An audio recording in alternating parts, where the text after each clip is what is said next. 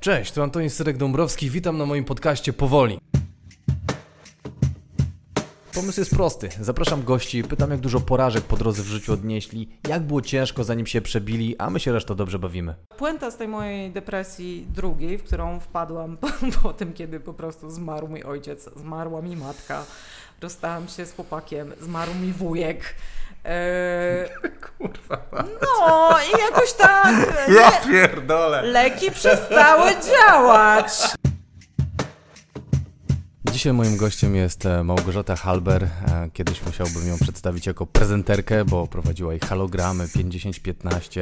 E, Wiele lat też na wizji można ją było oglądać na Vivie.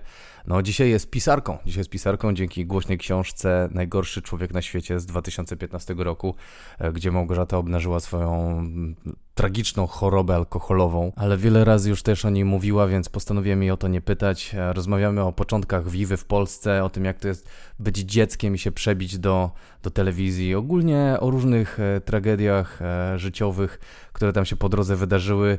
E, no, bardzo współczuję Małgorzacie, no ale też trochę beka, bo jednak no, nie byłbym sobą, gdybym trochę z tego nie przybekował, więc zapraszam serdecznie na podcast z Małgorzatą Halber. Dzień dobry Pani Małgorzato, Dzień witam dobry. Ale to jest tak głupio, gadamy luźno przed, ale zawsze jak jest włączam nagrywanie, to Oczywiście. takie... Nie no, jesteśmy zawsze- w, pracy. Jesteśmy. jest, już jest w pracy. Yy, I gadaliśmy przed chwilą o, o czymś fajnym, czyli o tym, że yy, całe życie z artystami, a teraz w końcu jesteś w związku z kimś, kto nie ten, nie jest artystą i jest zajebiście. Tak, i mało tego poznałam wspaniałe określenie w ogóle yy, dzięki mojej znajomej, a właściwie dzięki yy, dziewczynie mojej znajomej, która jest tam, pracuje w biurze graficznym i ona, i ona mówi na osoby, które nie są artystami i mają normalną pracę i nie są w tak zwanym środowisku takim No.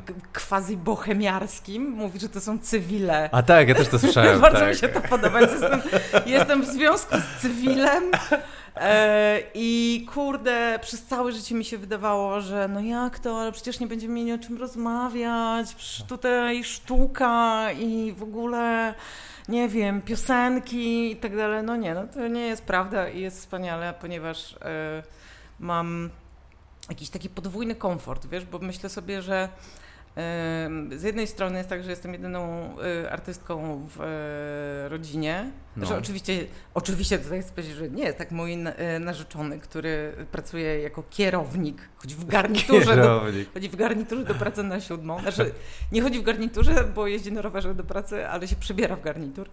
E, robi zdjęcia na przykład. No nie jest tak, że tam obraziłby się, jakbym powiedziała, że nie jest artystą, więc muszę powiedzieć, Michał robi zdjęcia, bardzo No dobre. ale jest cywilem, on, Ale jest cywilem. inny styl. Nie, jest totalnie, yy, jest totalnie cywilem i czasami nawet z inną moją koleżanką, której, której e, chłopak też jest cywilem, to mamy czasami takie, że ale czego oni się jarają tym, że ja tam, nie wiem, znam kogoś albo z kimś rozmawiałam, że to jest jakby koleżanka, nie? No i właśnie wtedy, i wtedy właśnie pojawia się moja, e, moja ta, e, ta, ta graficzka z pierwszego przykładu i mówi, ale miejcie trochę wyrozumiałości dla cywili. No, tak. Ja się, ja się jaram tym, e, bo ja się czuję jak taki latawiec, który ma tą linkę, że ta osoba jest taka łącząca mnie trochę z ziemią, jak jest się z, z drugim. Te... Znaczy ja nie jestem. Ja nie mogę powiedzieć. Wiesz, ja nie mogę o sobie powiedzieć jako artyście, bardziej się czuję jak rzemieślnik. To jest, ja nie wiem, czy to jest. Słuchaj, teraz... Coś świadczy o mnie i o Nie, samoocenie. znaczy, no, mo- no tak, myślę, że tak. Myślę, że, się ten- wyda- że ci się wydaje, że nie można powiedzieć o tobie, że jesteś artystą, bo to źle o tobie. Bo dla mnie to takie, bo to ma też negatywne konotacje, bo to jest takie kurde, że w wiesz, Polsce ma. No, a to na świecie nie ma? Na świecie nie ma, no, No co ty, nie jesteś jakby, kur... No, boże, dzieciaki, my jesteśmy, sta... przy- umówmy się, Antek, jesteśmy starzy, To jesteśmy, tak. Ja więc... dzisiaj rozważałem, żeby kupić oranżadę taką klasyczną, komunistyczną na to spotkanie i tak myślę, docenisz, a myślę, dobra, bez przesady, wiesz. No Właśnie... Hmm, Zastanawiam się. Ja prze- przede wszystkim bym, przede wszystkim, wiesz co, bym doceniła, jakbyśmy na przykład się spotkali gdzieś na mieście w klubie i jakbym mogła usiąść od razu. Tu przychodzę gdzieś i pierwsze co chcę zrobić to usiąść, bo mnie bolą plecy i nogi. To jest najważniejsze. Ja pierdolę, to jest To, straszne. to, to jest zajebiste. Ja, ja na, na Openerze na serio byłem w szoku, że nie ma ławeczek, że tam nie No! ma, że nie ma nigdzie miejsc siedzących, byłem wkurwiony. Tak, ja, ja, w ogóle, ja, w ogóle, ja w ogóle zrezygnowałam już jakiś czas temu z festiwali i tylko jeżdżę do Krakowa na Unsound, bo tam można usiąść i jest mało ludzi i spokój. Więc myślę, że to jest starość. Ale jakby zaczęłam o tym mówić dlatego, że ci mm, powiedzmy, dziecie, mogę powiedzieć dzieciaki, ale No. też y, mam na myśli osoby poniżej 30 roku życia, no to nie mają absolutnie żadnego problemu z tym, żeby in, na Instagramie, na którym mają tam te swoje konta, pisać o sobie, że są DJ, art, graphic, designer i tak dalej, wiesz. E, oraz mój wewnętrzny, mój wewnętrzny filozof, od razu tutaj chcę zaznaczyć, że w starożytnej Grecji pojęcie sztuka oznaczało sztukę w znaczeniu rzemiosło, bo sztuka ma Tak. dwa znaczenia, nie? Jakby sztuka, sztuka, czyli umiejętność wyrzeźbienia krzesła tak, żeby było krzesłem i to jest właśnie to rzemiosło, no ale też jakby to, że właśnie masz jakąś wyobraźnię, coś takiego umiesz zrobić. To jakoś, chyba Tatarkiewicz o tym pisał, czy No, coś takiego? brawo, dokładnie tak. Jezus Maria, ale tak trafiłem tego jedną książkę kiedyś przeczytałem Tatarkiewicza i te, tak co bach. Te, co trzeba. No i tam było coś takiego, że architektura, coś tam jest, że to było in, e, że to, To się jest- nie, nie liczyło jako, e, jako sztuka, tylko się liczyło po prostu jako taki jesteś rzemieślnikiem, Rzemieślnikiem, napie, tak, napierdzielasz domy, czy Dokładnie. tam budynki. W starożytnej Grecji nie było sztuki takiej, jakby, jak, jak my ją rozumiemy w znaczeniu darmozjadów. No bo to jest to, co pokutuje w Polsce, że jak jesteś artystą, jesteś darmozjadem. Okej, ja, a ja mam inny problem z tym. Ja mam pro- problem z tym, że to jest taki roztrzepany, że, że, że, że jak jesteś artystą, to musisz być automatycznie taki rozwalony i wszystko nie ogarniasz, a ja, a ja ogarniam. Jakby, Nie, ale ja to- czuję, że ogarniam. No i tak, ale to też jest jakaś kompletna bzdura, bo żeby zrobić te wszystkie rzeczy, które wiążą się ze No, sztuką, ku- namalować dokładnie. obraz, żeby namalować obraz musisz latami ćwiczyć po prostu to, żeby umieć namalować gołą babę i dzban. Ja tego nie umiem, ja jestem rysowniczką też, pracuję, to jest właśnie mój cz- czwarta ścieżka kariery moja i ja nie umiem narysować gołej baby i dzbana, bo to jest za trudne, ja już za późno zaczynam, żeby się tego nauczyć. Żeby napisać książkę, musisz siedzieć po prostu, tak jak ja teraz właśnie do Ciebie przyszłam z piwnicy, po, po, prostu po 72 goś- godzinach niewychodzenia z domu, siedzieć, Ja robić przerwy ze słownikiem synonimów. Nie jest tak, że to człowiek z głowy bierze wszystko. bo Jak, Naprawdę? no tak, no bo jak siódmy raz się łapiesz, każdy ma swoje ulubione słowa. Tak. I w pewnym momencie, jeżeli piszesz tekst, który jest obszerny, ma 10, rozd- 10 grubych rozdziałów, jest niemożliwe, żebyś nie powtórzył tego słowa. Albo przy redakcji, tak jak ja, nagle widzisz, że ja użyłam chyba ze dwa albo ze trzy razy słowa koleś i myślę sobie, no nie, jednak nie, w sensie to koleś mi nie pasuje. No więc tak, raz wstawiam kawaler, a raz mi brakowało jakiegoś takiego i, no, a, i słownik synonimów zna odpowiedź, na przykład absztyfikant. Ale to już konkretne. Tak. Ale najlepsze to w ogóle, to też a propos tej książki i a propos słownika synonimów. Chyba, że do książki przejdziemy później, bo ja mam No, takie. możemy, wiesz, bo to ja, chodzę musimy po zacząć, ja chodzę po e, dygresjach, także No ale to dobrze, ja, ja to lubię, bo to nie. E, tak, normalnie do tej pory pilnowałem i tak mówię, dobrze, to zacznijmy od tego, ale nie musimy tak jechać, wiesz, bo to może Okej. być nienaturalne, ale ja, ja i tak cię przypilnuję. Właściwie mówię, jestem Dobrze. ułożony, ja umiem. Jak ja czytałem ten fragment twoich o granicach i tak miałem też, e, bo to żeby było wiadomo, Małgorzata mi podesłała swoje fragmenty, e, dwa, to są rozdziały? E, To są dwa rozdziały, tak? Dwa, dwa rozdziały, rozdziały nowej książki. I przynajmniej o tych granicach, ja tak czytałem, to ja miałem takie, no nie wiem, ja, ja umiem, jakby ja czuję Mhm. się, że ja potrafię powiedzieć, tu jest koniec, tu jest początek, to mi się nie podoba i wręcz mój kumpel mi powiedział, że ja na początku się wydaję taki miękki, że spoko, ale jak dojdzie do jakiejś granicy, to jest po prostu ciach i nie ma i jestem jakby asertywny i tak miałem, Mhm. tak jak czytałem ten rozdział, te twoje dywagacje na temat granic, gdzie one się mogą znajdować, gdzie, gdzie jest zdrowo, ja mam takie, kurde, nie rozumiem, to kompletnie nie jest o mnie i wiesz, i to było takie... No właśnie, to jeszcze bym chciała rzucić jedną rzecz, bo a propos bycia artystką, to, to nie, ja nie potrzebuję, żeby mnie ktoś trzymał jak ten balonik, natomiast e, ja mam wrażenie mimo wszystko, że kobietom jest trochę trudniej. Bo to y, ja bardzo lubię taki przykład takiej rysowniczki polskiej, y, która rysowała pod pseudonimem Haga. To była żona Eryka Lipińskiego, redaktora naczelnego Szpilek. Mhm, I ona pod wieloma względami można powiedzieć, że była bardziej utalentowana od niego. aha. Tylko, że on w domu siedział, redagował gazetę i tak dalej, a ona, jej córka opowiadała, w nocy, jak już wszyscy spali, na stole, na którym normalnie jedli, ona nareszcie mogła uprzątnąć wszystkie naczynia i w nocy rysowała, bo nareszcie miała czas. Jest coś takiego, że kobiety, ja, ja jak, byłam, e, jak byłam z moimi poprzednimi partnerami, to ja byłam ogarniaczką i też byłam taką, kurde, tak musiałam, wiesz co, tak dopieścić to męskie ego, po prostu tak sekundować.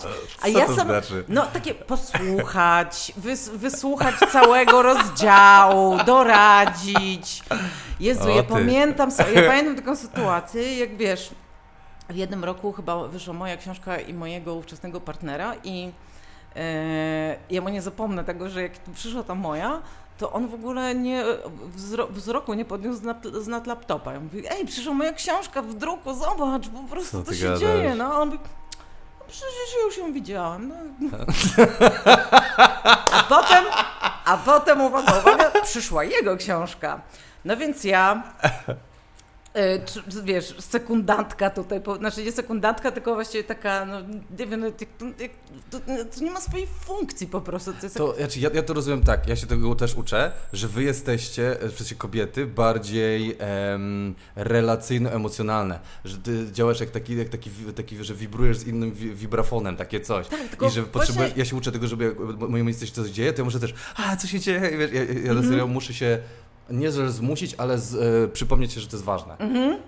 No tak, no yy, przy czym, wiesz co, w pracy myślę, że jest tak, że jak, bo jak przyszła tam ta książka tego mojego partnera, ja ją przeczytałam, no i przeczytałam ją i mówię, super w ogóle, super, bardzo mi się podoba, ekstra, jeszcze tam w, w, mówiłem, jakie rzeczy mi się podobały i wiesz co, mi odpowiedziałam, się tak, ale bardzo szybko to przeczytałaś. A mówię, no tak, no jakby co, wiesz, jakby co jest co źle, nie? On mówi, mhm, czyli to znaczy, że to się szybko czyta, tak? Kurwa! I po prostu nie ma tego. Mam to z bani. Mam to z bani. A że mistrzem był mój pierwszy partner, Maciej Cieślak, którego serdecznie pozdrawiam. Osoba taka bardzo ważna w moim życiu, ale po prostu wszyscy go znają i wiedzą, jaki on jest. Maciek jest strasznie ciężki. I on, wiesz, grał w zespole i też pracuje jako producent muzyczny. I on po prostu ma, on jest perfekcjonistą, a bycie perfekcjonistą i producentem muzycznym oznacza, że musisz 14 do 27 razy posłuchać jednej piosenki no. w różnych trzech wersjach, w których ty jako laik, ja już potem się wyćwiczyłam, ale wtedy ja nie słyszałam różnicy i musiałam powiedzieć, czy dobrze jest omikrofonowana perkusja. No to jest ważne. Dobrze, no to koniec. Jakby już, y, teraz już pozdrawiam wszystkich moich byłych partnerów. O nich jest dużo w naszej książce o miłości, bo ja napisałam z Olgą Drendą. E, I na pewno wszyscy się będą bardzo cieszyć z tego powodu. No tak, jakby ja, ja ten. E, to jest ciekawe, bo. Mm, czekaj, bo tak mam dwa, dwa wątki. Albo po, podjąć e, z tą z książką, albo myślę, że wrócić na chwilę jeszcze do tego, Wróć co do powiedziałeś. A, no, bo dobra. przed chwilą jakby o tym, co powiedziałeś, to jest, to jest ciekawe, że jakby. Znaczy nie wiem, ja się dopiero teraz uczę, jak ważne to jakby dla kobiety jest takie to rezonowanie. To, to, to jest dla mnie strasznie fascynujące, że że, że ale wy to macie tak naturalnie, tak moja, moja Monika tak wjeżdża i wiesz. Ale mów, właśnie widzisz to, mówisz wy, ale to różnie bywa. W sensie, znaczy, dobra, ja no jestem, generalizuję, no wiadomo. Ja jestem, ja jestem jednak, ja jestem siódma fala feminizmu, która mówi, że jakby nie ma męskie, nie ma kobiece, tylko jest kultura i kultura nas ukształtowała i wiesz, i tak samo możesz poznać... Właśnie sens w tym, że ja też w tym jestem. Ja jestem e, ten, e, ja jestem do, dokładnie z tego samego nurtu. Tak. Ja się dopiero teraz uczę, że nie, może są różnice. Antoni, naucz się. Ale te różnice, tak, ale te różnice są kulturowe, chciałabym zaznaczyć. W sensie to jest tak, że jakby no. jest, no kurde, jeżeli ja się urodziłam w domu, w którym mój ojciec przychodził i no. mówił, co jest na obiad, no. to ja w wieku 30 lat dopiero doszłam do wniosku, że ja pierdolę, przecież ja nie muszę gotować. A i tak czasami jeszcze przez, teraz już nie mam w ogóle tego problemu, ale jeszcze pie, przez pięć lat potem miałam takie, no nie, a może powinna mnie. Tak? Jakby no wzrastamy w tym, nie, nie, nie umiemy się, poza tym, kurwa, kto nas nauczył po prostu rozmawiać o emocjach, widzieć, że jakiś, to jest w ogóle niewygodne, że partner ma jakieś potrzeby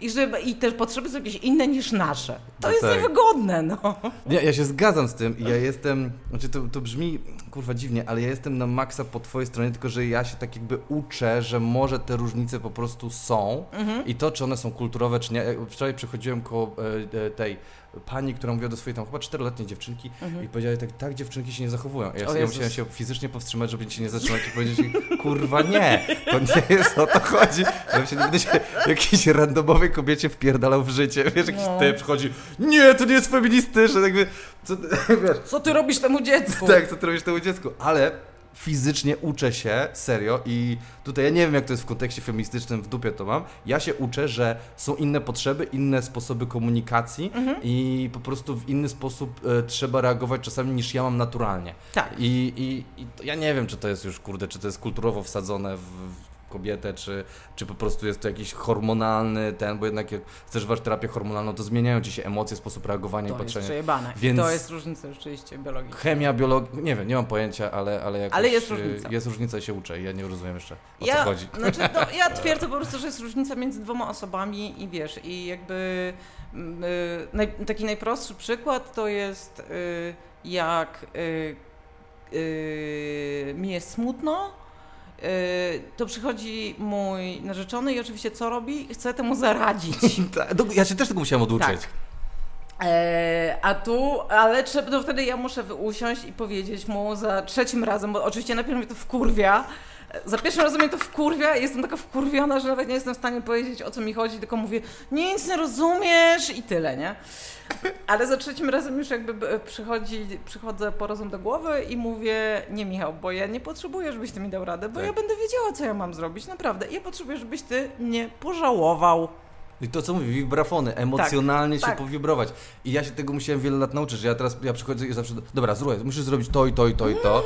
I ona tak siedzi, tak, mm, ja, mówię- ja, ja się musiałem nauczyć zamknąć mordę i po prostu te słowa tak wpływają na język, a ja muszę tak zawracać z powrotem do twarzy i przestać mówić. No dobra, Antek, ale zobacz, jakby się pokłócił z kimś o coś i przyszedł i powiedział, że się po- pokłóciłeś się z, nie wiem, pra, pracujesz w fabryce traktorów Ursus, pokłóciłeś się z brygadzistą i przychodzisz i mówisz o tym, że się pokłóciłeś z brygadzistą i Monika mówi na to, e, no słuchaj, ale to w takim razie jutro musisz przyjść i tam zrobić, wchodzi ci w pół słowa i mówi, No, no, nie, no, to no. musisz, musisz, wiesz co, musisz porozmawiać z tym Janczakiem i tutaj jeszcze we- weź e, Kwiatkowskiego na bok i to załatwicie, nie? Tak. I nie daje ci się wygadać, to co? No to to jest tak samo. No tak, to jest wkurujące. No, to jest, no, e, więc właśnie. To, to, mm, no tak, no to jest po prostu inny styl radzenia sobie z problemami. Dobra, ale jesteśmy tutaj, żeby pogadać o porażkach karierowych. To jest to, to, jest jest, to, to jest doskonały temat. jak, jak e, życie... E, bo to się, ja, ja, ja po prostu założyłem ten podcast po to, by mnie wnerwia taki, taka narracja, że ej Boże, sukces, w ogóle bach, są ludzie utalentowani i oni po prostu wchodzą i rozpierdalają Messi, w ogóle super i, i tak dalej. A mam takie, no nie, to jest kurde, to są lata No. Żarcia gruzu, gówna, porażek, mówienia nie i tak dalej. Ale tak jak do Ciebie napisałem, to myślałem, no ty, ale ty jesteś innym przykładem, bo Ty weszłaś do telewizji w wieku 12. 12 lat, myślałem, że 10 i wiesz, i kurde... I nie wygląda na to, żebyś Ty żarła gruz, ale napisałeś mi, że a, to nie No czekaj. to właśnie to nie jest tak. Nie jest aż tak różowo. Nie, nie, bo ja nawet miałam, słuchaj, ja miałam nawet. Yy, liczyłam, muszę policzyć. Raz, dwa, trzy. Po tym, jak s- yy, kończyłam pracować w telewizji, to miałam trzy yy, nowe ścieżki kariery zawodowej. Mhm. E, I absolutnie, znaczy żarcie gruzu jest nieuniknione. To w ogóle jest, wiesz, e, ja z kolei znam to z takiego przykładu, taka kategoria e, wzmacniających cytatów, że tam się mówi, że no tak, bo tam genia- y, pomyśl o genialnych pisarzach, którzy, którzy po prostu albo malarzach, których znamy i oni są tacy niesamowici i w ogóle nigdy w życiu nie dorastam im do pięt. No oczywiście jest tak, że są osoby, które są nieprzeciętnie utalentowane, e, natomiast i tak i tak my znamy tylko te dzieła, które się udały i O, tak. przeszły do kanonu, a nie znamy tych wszystkich prób, tych wszystkich nieudanych rzeczy, szkiców i tak dalej. Czasami jak jakiś autor na przykład jest super znany, to się wydaje jego wcześniejsze powieści albo jakieś niepublikowane rzeczy, nazywają się one juvenalia, juvenilia, przepraszam, i kurde, one zazwyczaj są, no to, to, nie, Średnio. to nie jest to samo, z czego ich znamy. No. Także tak.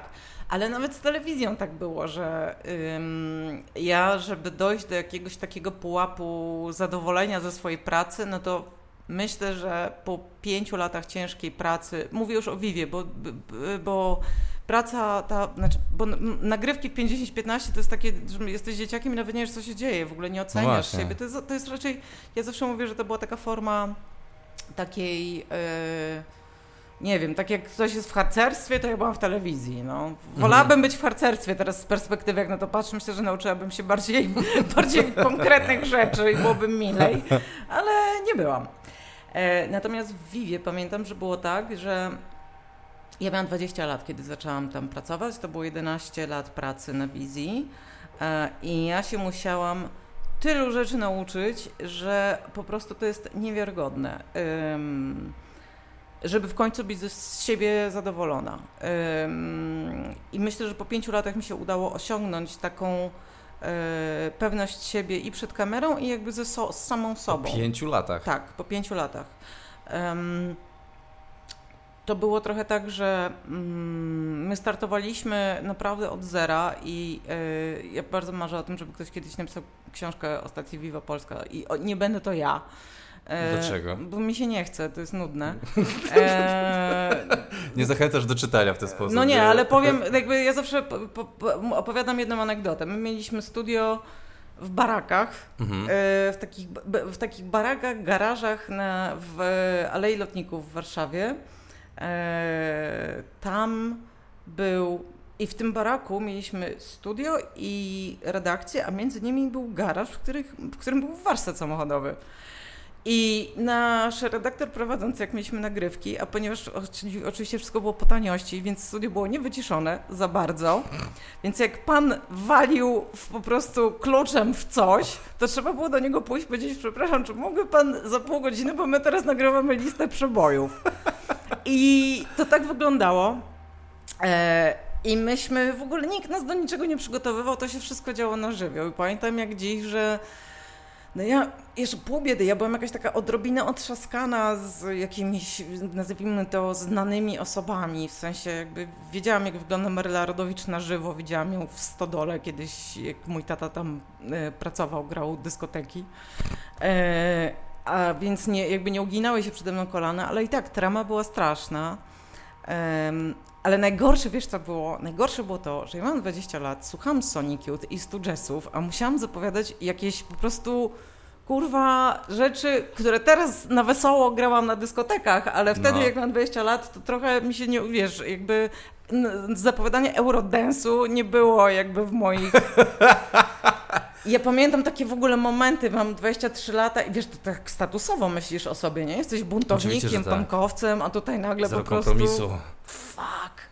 No i ja sobie wymyśliłam śmieszną metodę, ponieważ tam wszystko było, tak jak mówię, na wariackich papierach, to, nam, to myśmy też jakby mogli mówić, co chcemy. To było wspaniałe. Super. E, tak. E... A to wtedy jeszcze nie byliście członkiem Viacomu? Nie, nie, nie, nie, nie. Właśnie to i to było naprawdę cudowne, że nie byliśmy członkiem Viacomu i do 2000 siódmego chyba czy ósmego roku trwała naprawdę mniej lub bardziej wolna Amerykanka. Potem, już, potem już raczej mniej, ale mimo wszystko wolna Amerykanka. No to super. Do tego stopnia, że u nas na przykład nie było e, jakichś takich zebrań kolaudacyjnych, tylko, tylko redaktor prowadzący mówi, no spoko, to jest lista, jakby tu chart surfer jest nagrany, może iść do wysyłki, nie? Także no, było ekstra. I dlatego mieliśmy wyższą oglądalność niż MTV, bo po prostu tam przechodziły takie rzeczy, które normalnie by teraz nigdy w życiu tam nie przeszły. No to było super, to naprawdę było fajne. E, I ja sobie wymyśliłam taki patent. E, wtedy jeszcze nie było, kur... znaczy był pamiętam internet, ale po prostu wiesz, w wersji Windows 93 mniej więcej. Internet po prostu minus yy, 1.0. Ja brałam e, wiadomości z New Musical Expressa, którego prenumeratem miałam i zapowiadałam wykonawców typu Eryk Pryc, I mówiłam na przykład o Fatboy Slimie, albo właśnie mówiłam o Sonic Youth, albo mówiłam o ściance. Pamiętam, jak jakiś czas później mnie spotkał, spotkałam na imprezie jakiegoś ziomka, taki, był, był strasznie słodki, był taki lekko nawalony, mówi, ja cię pamiętam, ty jesteś Małgosia z Wiwy. I ja mówię, no, już tam wiesz, po prostu myślałam się, że kurwa. A on mówi, Zawsze będę pamiętał, że mówiłaś o Sonic Youth i o ściance zapowiadając te rzeczy. I tak było. E, I potem się już dorobi, i potem się już otrzaskałam. Po pięciu latach po prostu otrzaskałam się o tyle, że nie bałam się mówić przed kamerą, nauczyłam się mówić przed kamerą jakby tak jak chcę. Ja w ogóle nigdy w życiu nie czytałam z promptera, myślę, że to by się nigdy nie udało. I mało tego, ja sobie nawet nie pisałam tych zapowiedzi, tylko w punktach sobie pisałam. Mhm. Jakby generalnie improwizowałam to wszystko, co się działo przed kamerą, na, tylko na jakieś wybrane tematy. No i to była jedna ścieżka kariery zawodowej. No to super ci wychodziło. Znaczy się przyznam, jestem jednym z tego pokolenia chłopaków. To pewnie jest całe pokolenie chłopaków e, które się w tobie kochało. To było takie, kurde... Boże, po prostu dlaczego ja o tym nie wiedziałam? Moje życie było o wiele lepiej wyglądało. No słuchaj, no przecież ty, ja po prostu ja marzyłem, że cię w Falnicy spotkam kiedyś i jeździłem do Falnicy do babci i miałem takie, czy gdzieś tu będzie Małgorzata? Nie wiedziałeś, że mieszkaliśmy na jednej ulicy wtedy, nie? Wiedziałem, no absolutnie nie wiedziałem. No. Potem się dopiero dowiedziałem, że mieszkaliśmy chyba ze cztery domy od siebie, tak, ciebie nigdy nie spotkałem, kurwa macie. To jest dziwne w ogóle. Ale no. ja nie wychodziłam za dużo z domu, wiesz, Siedziałam, słucham płyt. Sonic Youth. Tak, no, dokładnie. Ale to musi być. Czekaj, to cię o to zapytam, bo no. ja oglądałem też inne wywiady i, i dlatego mówię, że jestem spokojny, bo się kapnąłem, że ja, ja myślałem, że tak dobrze, ja się w to kochałem, się przyznam, ale potem jak widziałem w innych wywiadach i kolesi ci to mówią, mm -hmm. czyli musi być jakaś taka grupa typów, po prostu setki tysięcy typów w moim wieku około i plus minus 5 lat, którzy się centralnie w tobie kochali. I jakby jak często słyszysz coś takiego? No, jak, jakie to jest uczucie w ogóle? Nie, co? No, zawsze to samo jest to uczucie bolesnego rozczarowania pod tytułem dlaczego ja o tym nie wiedziałam? Tak po prostu wiesz, nie wiem, może jak wiesz, jak, bo mężczyźni krócej żyją, jak Michał umrze, ja będę wdową, pojadę do Ciechocinka, to może jeszcze wiesz, będę, może jeszcze tam spotkam tych panów wtedy, no. Więc to uczucie nadziei. Rozumiem, daj ci na starość tam. No tam w Ciechocinku się dzieje teraz podobno. Tam jest jakaś epidemia HIV, w ogóle jest wśród emerytów, jest serio, oni, oni tam szaleją. Zabezpieczaj się. Dobrze, tak ci próbuję dobrze, powiedzieć. Dobrze, że... dobrze, dobrze. Może, może oni już no dobra, nie chciałam powiedzieć, że może oni już umrą do tego momentu. Może zmieńmy temat, jakiś bezpieczniejszy. No jak przeszliśmy od miłości do śmierci w czterech krokach Eros i Thanatos po prostu Dokładnie. w jednym domu, tak. No ale czekaj, ale bo tak mówisz tak, no dobra, tu była, tutaj Viva i co, i to było takie po prostu jak po maśle, że po prostu śliznęłaś, nie było żadnych casting, Były, oczywiście, ale nie no, oczywiście, że, że były. Wszyscy klaszczą, mówią Małgorzata, kochamy się i w ogóle. Ale oczywiście, że były, tylko że pamiętaj, że ja byłam strasznie młoda. Ja miałam 20 lat wtedy. No. E, I moim większym problemem było to, czy ja się dostanę na studia i jak ja zdam sesję, a nie a. wiesz, czy ja zdam casting, czy nie. Ale to, to, to jest zupełnie styl myślenia niż teraz, bo teraz jakby ludzie byli w twojej pozycji, to w ogóle studia, w ogóle pff, nara, w ogóle olewka. Wiem, to jest dziwne. No, czasy obyczaje, nie? No tak, ale tak, tak było i były castingi oczywiście, natomiast ja, ponieważ Wiesz, ja oprócz tego 515, że zaliczyłam chyba, naprawdę, ja od 12 roku życia do 31 y, występowałam w telewizji właściwie cały czas. Jezu. Nie miałam przerwy. Dlatego się śmieję, że jestem jak żołnierz i że mogę, wiesz, no. pójść na, na, emeryturę w wieku 40 lat i też dlatego, jak raz na pewien czas ktoś mi mówi, Pani Małgorzata, nie chciałaby Pani wrócić do mediów? To ja mówię, a, nie mam mowy po prostu, nie. Jakby, nie. To, to, jest dziwny sport. Ja się otarłem o, o media i bardzo chwalę niezależność. Nie, nie. Tak, dokładnie. Dziwny system. Dokładnie, dlatego, e, dlatego jak? E, przez ostatnie lata mojej pracy w telewizji już miałam takie poczucie, że już nas przejął ten Viacom i w ogóle y, już nie było tak fajnie, raczej było słabo i e, pamiętam jak gdzieś moją kierowniczkę produkcji, która była bardzo taką spokolaską, przeszła tam z, też z jakiegoś, z jakiegoś innego naboru i ona któregoś razu po zebraniu tak na mnie patrzy i mówi tak Ej, Halberto, to się nie nadajesz do korporacji. Ja mówię, no raczej. Bo tam, bo ja po prostu, ja nie znoszę braku myślenia. I to jest tak, że ja dostaję apopleksji. I pamiętam, że mieliśmy jakieś szkolenie. Szkolenie akurat spoko, ja lubię się kształcić bardzo. To było szkolenie w ramach y, prawa prasowego y, Czech ponieważ nasz nadawca postanowił nadawać z Czech, żeby nie podlegać pod polskie prawo. Tak, no bo podatków musieli, nie płacą. Tak, myśmy się musieli wszyscy nauczyć, jakby co tam można, czego nie można. Tak. I pamiętam, że ktoś użył słowa scheduling na tym szkoleniu. I oni tam wszyscy siedzą, 20 osób, a ja tak siedzę w pierwszym rzędzie mówię, przepraszam, mam pytanie. Mówię, tak, tak, tak. Co to jest scheduling? No to jest jakby, to jest tak, jak programy są jakby na wizji, taka kolejność w jakiej są. Ja mówię, czyli ramówka, tak? I podobno ktoś mi potem mówił, że była bardzo pani zadowolona ta pani, która prowadziła, prowadziła szkolenie, że ja takiej powiedziałam w ogóle.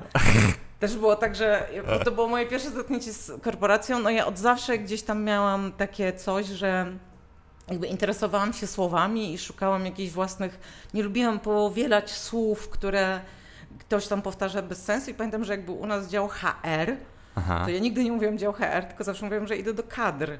I na tą panią z HR mówiłam kadrowa i ona się tam tak pieniła, kurwa, po prostu. A tam wiesz, home and deco, L dekoracją, tak. po prostu pani z HR-u. Mówię, dobra, to ja idę do kadr, nie? Dokąd? No, no, kurwa. No więc nie, dawa, nie nadawałam się do korporacji, bo po prostu było to ponad, ponad mój system e, jakby energetyczny i, i, i całość dopóki mogłam sobie robić to, co mogłam, miałam taką malutką niszę, już zostało mi, pamiętam, że w ostatnich dwóch latach tylko program filmowy, który sama robiłam, zapowiadałam, produkowałam i montowałam. O, czyli no, człowiekiem orkiestrą. To też była moja, to, tak, tak. Ekonomia totalnie. E, autonomia. E, nie, właśnie ekonomia. Ekonomia też, tak? E, tak. E, ja nie wiem, bo teraz już e, wszyscy na mieście mówili, że MTV, bo my potem już po prostu zostaliśmy przejęci no tak, tak, po prostu przez... przez MTV, czyli przez Viacom. E, I na mieście mówiło się, że MTV oznacza możesz tanio wyprodukować. Aha. Tak, to takie, no. takie, ale to jest prawda. No to jest do dzisiaj chyba to zostało. E, na szczęście ja nie mam absolutnie nic z tym wspólnego, nic o tym nie wiem i e, było śmiesznie, wspominam to czasami z rozrzewnieniem, ale generalnie jakby na tamten moment mojego życia to jeszcze może było ok, natomiast Mm, no, jak wiesz, jak wszyscy wiedzą, w tam wieku 28 lat przeszłam terapię uzależnień i nagle diametralnie zmieniło się moje spojrzenie na rzeczywistość. Aha. I już po prostu nie można było ściemniać przed sobą, że się jakby, że spoko. Nie można było tego, tego głosiku takiego, który tam się, nie, nie było czym go zgasić po prostu. No i głosik zaczął mówić, nie no kurwa, przecież jakby fajnie, ale rób, jakby jesteś, jakby szkoda cię na to, rób coś takiego lepszego. No i koniec końców na, e, ze schedulingu wypadł mój program. E, został zastąpiony, pamiętam jak dziś, e, programem Łowy Króla Disco. I to jest śmieszne, bo, bo czasami jak o tym mówię, to spotykam się z taką reakcją, o Jezu, ale porażka, bo to był taki reality show, w którym e, nie pamiętam kto, może to był Zenon Martyniuk, nie pamiętam, nie, nie znam się na disco polo, w każdym razie jakiś wokalista disco polo szukał żony. Tak. I tym, tym programem został zastąpiony Na program. Vivie? Tak, Viva Movie, który produkowałam. I pamiętam, że wszyscy byli tacy, o Jezu, ale muka, nie? A ja pamiętam, że jak byłam na rozmowie z moją dyrektorką, to mówię, kurde, no totalnie to rozumiem. Jakby mój program ma oglądalność po prostu promil, kogo interesuje mówienie o filmach, no to to nawet ja bym oglądała, więc to jest dla mnie zrozumiałe. Nie miałam żadnego żalu, jakby wiem jak to funkcjonuje i dostałam bardzo dobrą odprawę, po czym zatarłam ręce i pomyślałam sobie, zajebiście, to ja teraz będę dziennikarką muzyczną. No i kurwa, powiem Ci, że we wszystkich moich momentach szukania nowej ścieżki kariery to to była chyba, o Jezus, to było, uuu, to było najgorsze. E, czemu? Bo mm, po pierwsze ja miałam w ogóle jakieś wyobrażenie na temat tego, jak wygląda żywot dziennikarza muzycznego, wzięte jak zwykle z wyobrażeniami bywa z dupy po prostu. Z filmów pewnie, tak? Że chodzisz po festiwalach, gadasz z gwiazdami, tak, jest właśnie, zajebiście, samoloty, dokładnie. Piszesz hotele. do przekroju w ogóle, jest super. W koszulce no, Sonic Youth oczywiście. Oczywiście, że tak. No co okazało się, że e, rzeczywistość wygląda zupełnie inaczej. to znaczy, e, ja faktycznie zaczęłam pisać do felietony i też różne jakieś takie rzeczy do portalu muzycznego, który ostatecznie y, nazywał się y, T-Mobile Music Polska, bo wcześniej się nazywał Era Music Garden, ktoś wpadł na jakiś taki szalony pomysł. To był taki moment, w którym e, telefonie komórkowe jeszcze miały na tyle dużo pieniędzy, że bawiły się w mecenat. Mhm. Lubi, lubiły być mecenasami różnych fajnych rzeczy. I oni sobie wymyślili, że skoro y, T-Mobile y, w Niemczech organizuje festiwale, ma własną gazetę, własny portal, to zróbmy to samo w Polsce. No i super, ja się zajerałam i nagle, wiesz, proponowałam wywiady ze wszystkimi osobami, które nie miały szans się pojawić w Vivie, bo ja to chodzę na koncert, chodziłam, teraz już też mi przeszło, jestem stara. E, wszystko widziałam już, no. Chodziłam na koncerty, na których było 50 osób max, zawsze te same, e, ale no interesowałam się zawsze taką muzyką, polską muzyką e, niezależną i uważam, że ta polska muzyka niezależna jest absolutnie na dokładnie takim samym poziomie jak zagraniczna muzyka niezależna. Mhm. Mainstreamowa nie, w ogóle nie ma mowy, bo mainstreamowa tylko robi kalkę kalki, a ci w niezalu siedzą i naprawdę kombinują po swojemu i jest tam, no teraz to już właśnie trochę wypadłam z obiegu, ale wtedy okolice 2010 roku, no to był złoty czas. Ja po prostu co chwilę miałam pomysły, z kim robić wywiad, a to Marcin Masecki, a to yy, nie wiem, a to Moretti, a to jakieś powstawały nowe zespoły, yy, a to ballady i romanse, no po prostu cały czas się coś działo. Mhm. Yy, I No i kurde, powiem ci, że nagle się okazało, że po pierwsze ja siedzę cały czas w domu, e, po drugie nie zarabiam pieniędzy, ponieważ e, no i tutaj właśnie powstał taki problem. Mój były naczelny, on pewnie nie będzie tego słuchał, więc mogę powiedzieć. Mój, nikt nie będzie słuchał, więc mój- spokojnie. o, już nie masz taki. E, mój były naczelny e, nie bardzo mnie szanował jako dziennikarkę muzyczną. Okej. Powiedzmy, że mamy różne poglądy na to, jak dziennikarstwo muzyczne powinno wyglądać. Mhm. I ja mu proponowałam różne tematy, a on jakoś takie zlewał, innym osobom proponował wywiady i ja jakoś tak w pewnym momencie poczułam się taka mocno wykluczona. Mhm.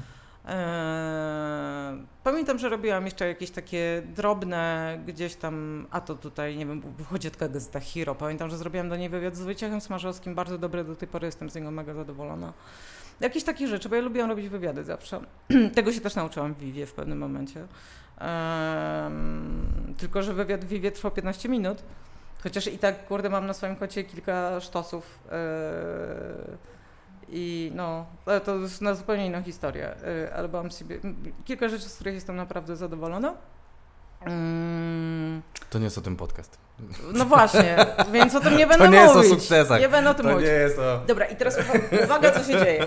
E, Ja w ogóle, to było wyjście, słuchaj, z, to było prawdziwe wejście w dorosłość, bo ja pracowałam w tym takim kloszu telewizji, w którym miałam jakiś swój, e, wśród osób, z którymi pracowałam, miałam No. jakiś e, status, No było tak, wiadomo, no to że jestem wtedy. od No jakichś tutaj- określonych zadań, że mnie się wysyła do, te, do zrobienia tego i tego e, i że są od zadań specjalnych.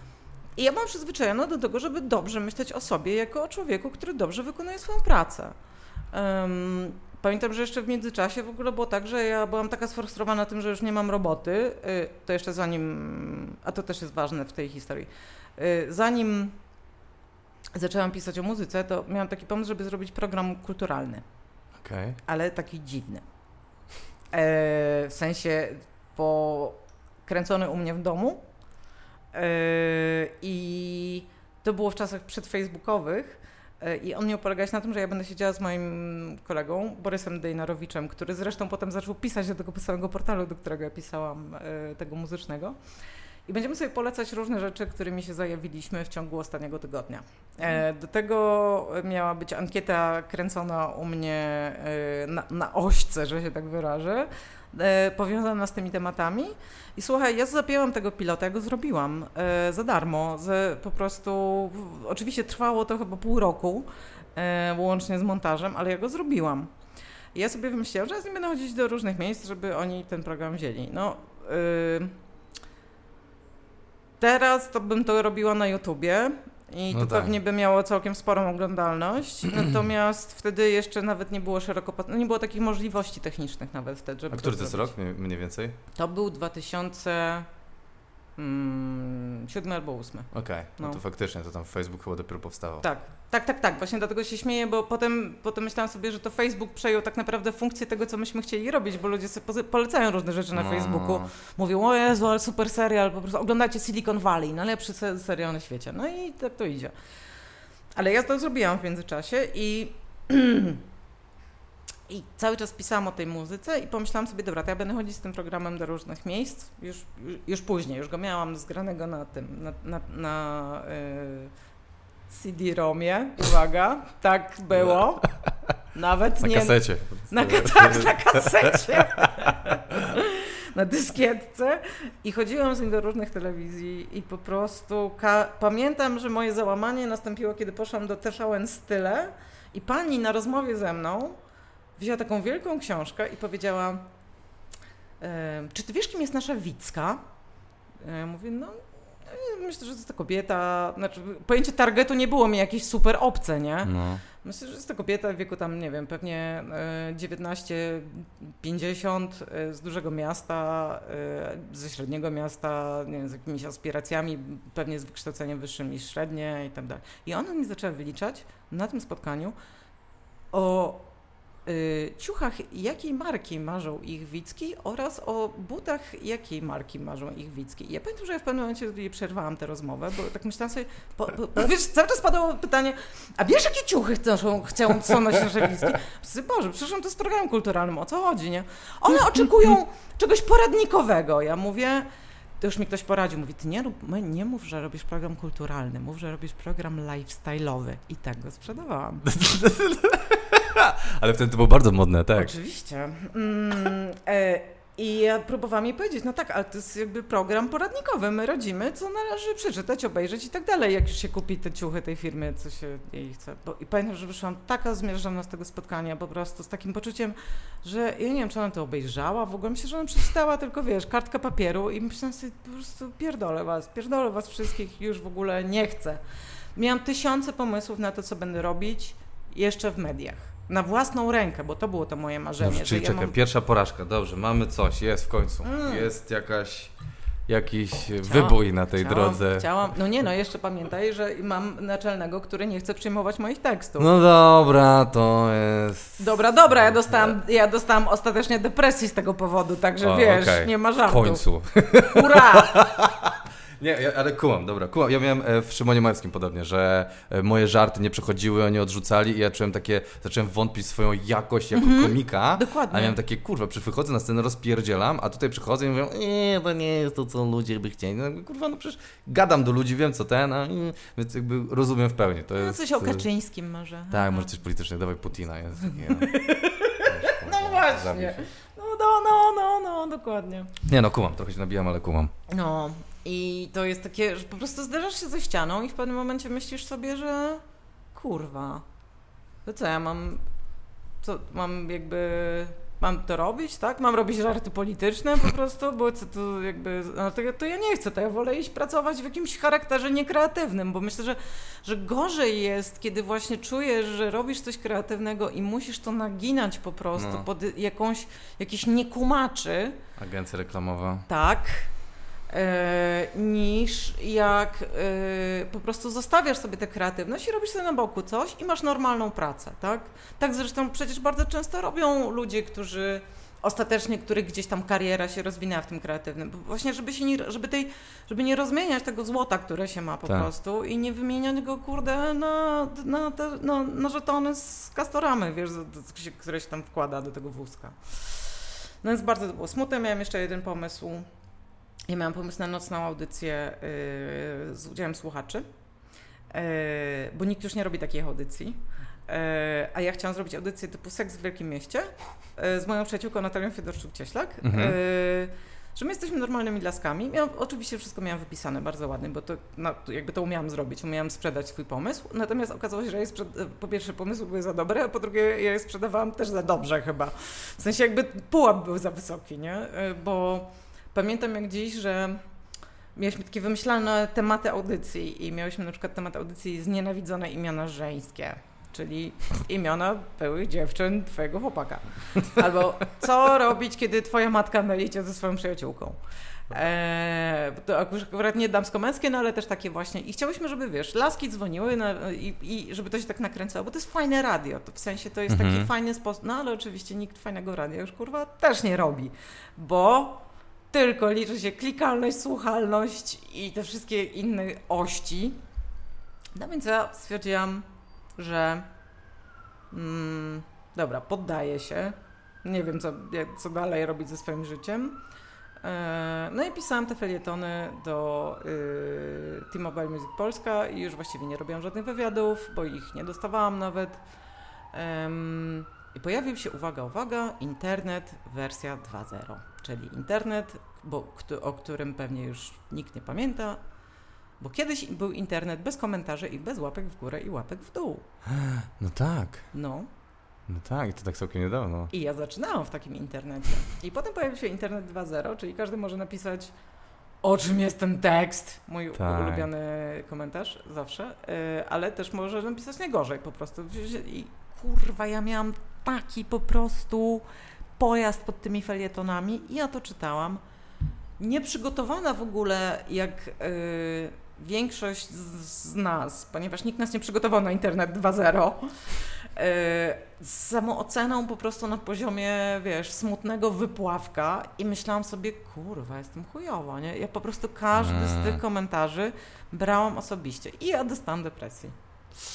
Bo po prostu było wszystko o mnie, jestem beznadziejna i tak dalej. Z tygodnia na No. tydzień po prostu to był jakiś jebany koszmar. Moja terapeutka, pamiętam, mówię tak, Pani Małgosia, a Pani nie myślała o tym, żeby zrezygnować z tego po prostu? Mówię, nie, przecież się nie poddam, co ja Aha. będę robić i tak dalej. I to jest który rok? 2007-2008? Co się Później, dzieje? później, później, to jest 2012. Już 12, okej. Tak. Czyli ty 4 lata piszesz felietony, dostajesz depresji i ten, ten. Jakby, że to jest... Nie, nie, bo to- bo ja skończyłam pracę 2010, No. to są dwa lata. Okej, nie, przepraszam, myślałem, że o 8. Nie, bo tam 8 to był ten program, ale to ja go jeszcze sobie A, zrobiłam, ja go sobie jeszcze zrobiłam, jak, jak jeszcze miałam pracę, ale i tak nikt go nie chciał kupić. Dobra, dobra, to dwa lata i tak jest dużo, jakby... Tak. Ech. I ostatecznie dostałam depresji yy, i wtedy zaczęłam brać yy, leki SSRI, które w sumie ostatecznie biorę do tej pory i jakby bardzo sobie je chwalę i polecam wszystkim. Najważniejsze to znaleźć dobrego psychiatrę i mieć dobry miks. Em, To jest podobno trudne, no. ale też było tak, że i wiesz, i ja tak, i z tymi, i tutaj, i to radio nie wypaliło, z tym, z tą audycją, też miałam jakieś, po prostu, wiesz, jakieś, kurwa, pamiętam te stacje, do, ja do wszystkich pisałam, do wszystkich, naprawdę już do wszystkich napisałam, do TOK FM, bo myślałam sobie, kurde, no przecież oni mają audycję na żywo, nie, my mamy bloki muzyczne w nocy, aha, super, e, do Chili Z, nie, bo my stawiamy na promocję kultury, myślę sobie, aha, kurwa, już widzę was, jak stawiacie na promocję kultury, kurwa, w Chili Z, pozdrawiam! Uważaj, Eee, bo w Chili Z już nie dostaniesz pracy. nie, to będę miała wywiad niedługo, więc, ale... A to jeszcze istnieje? Tak. Ja myślę, że oni już przestali dawno. Oni w ogóle chyba się nadają... zmienili, czy... Słuchaj, oni chyba w ogóle nadają, żeby było najśmieszniej, na częstotliwości radiostacji. Trzeba to sprawdzić. O, wow. 101,5 to była częstotliwość radiostacji i rozgłośni harcerskiej, bo ja też tam pracowałam. Okej. E, przez 4 lata. Tam się uczyłam pracy w radio i już wiem, że nie chcę pracować w radio. Kilka razy pracowałam w radio jeszcze później. W jedynce pracowałam przez 3 miesiące i mnie wyrzucili stamtąd, bo oni myśleli, że ja przyjdę i W będę... końcu, no. Dlaczego cię wyrzucili? Wiesz dlaczego mnie... Ja pierdolę, to jest super historia! Tam to było rzeczywiście na zasadzie mm, jakiejś takiej, że dyrektorem radia, bo jak y, drodzy y, widzosłuchacze, nie jest jakimś specjalnie nową praktyką, że jeśli ktoś jest z jakiegoś rozdania politycznego, to stara się obsadzać osobami ze swojego rozdania politycznego y, wszystkie możliwe stołki, które się tylko da. Tak jest. No i tam ktoś był, oni w tej jedynce jakoś tak słabo przędli, chcieli odmłodzić radio i wtedy było jakoś tak, że chyba było tak, że mój stary niestety był wtedy w randze ministra w Krajowej Radzie Radiofonii i Telewizji. I oni chyba, kurwa, musieli jakoś przez to wpaść na ten wspaniały pomysł, żebym ja prowadziła audycje w nocy. Muzyczne. I gdzie, kiedy to jest na timeline? Gdzie O gdzie ja jesteśmy? pierdolę. Na timeline, przepraszam, w To jest- kalendarzu, gdzie To jesteśmy. jest. Yy, to jest tuż na samym początku mojego, yy, mojej pra, mojego bezrobocia od telewizji. Czyli 2010-11, Tak, coś tak, takiego. tak. Dobra. Nie to za długo, yy, Antek, bo ta, to były cztery audycje. Y, to, tak, tak, tak, tak, y, mniej więcej czasowo. Kurwa mać, ja pamiętam jak...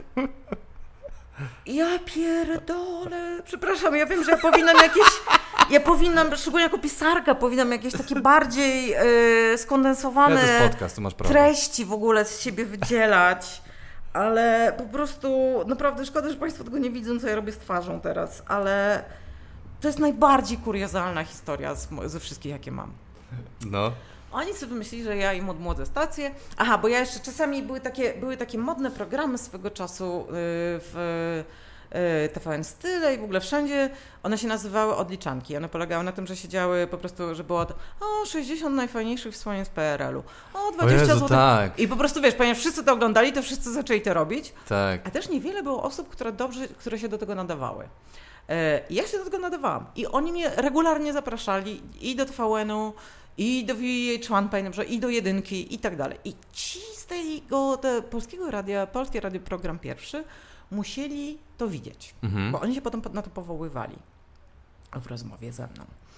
No i że tutaj oni chcą jakby odmłodzić radio i coś tam i czy ja jestem w stanie y, zrobić y, tę trzygodzinną audycję e, raz w miesiącu na początek, e, na żywo. E, I myślę sobie, pewnie bym mogła.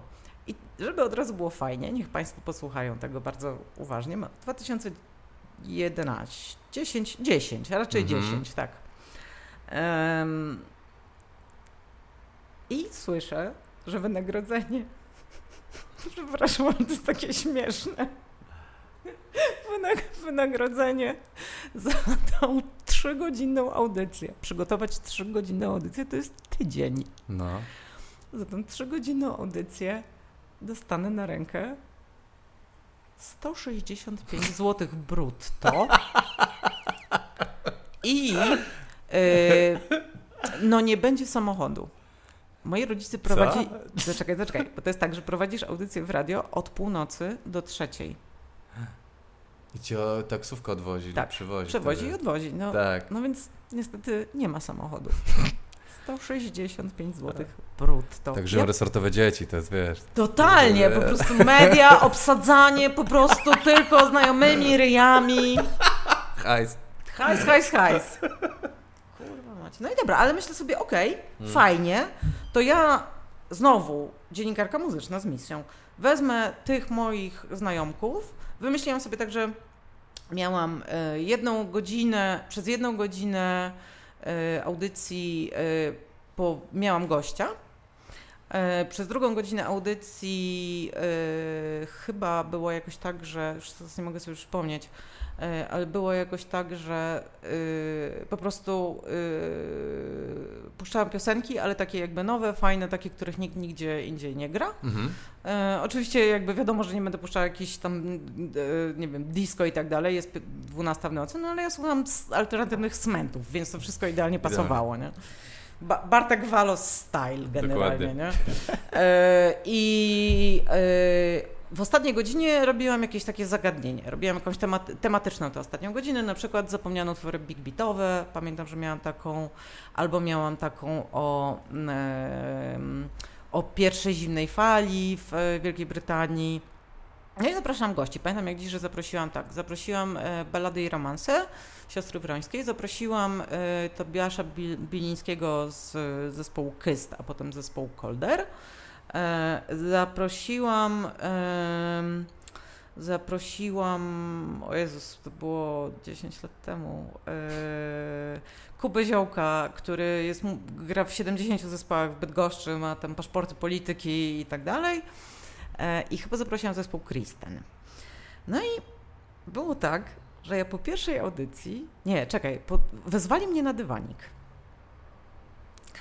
E, I pamiętam, że to wezwanie na dywanik e, połączyło się z informacją, że ze względu na cięcia budżetowe, chociaż nikt tego nie powiedział wprost, e, od następnej audycji, od następnego miesiąca, a tam jeszcze ZX trzeba wpisywać. Po zrobionej audycji, ponieważ to jest państwowe radio, przychodzisz i wypisujesz wszystkie piosenki, autor, czas trwania, tytuł i rok wydania. I wypisujesz wszystkie piosenki, które pojawiły się w audycji. 165 zł brutto. Samochodu nie ma. Em, I e, pojawił się taki, taki moment, że poinformowano mnie, że w następnej audycji e, autor będzie realizował się sam.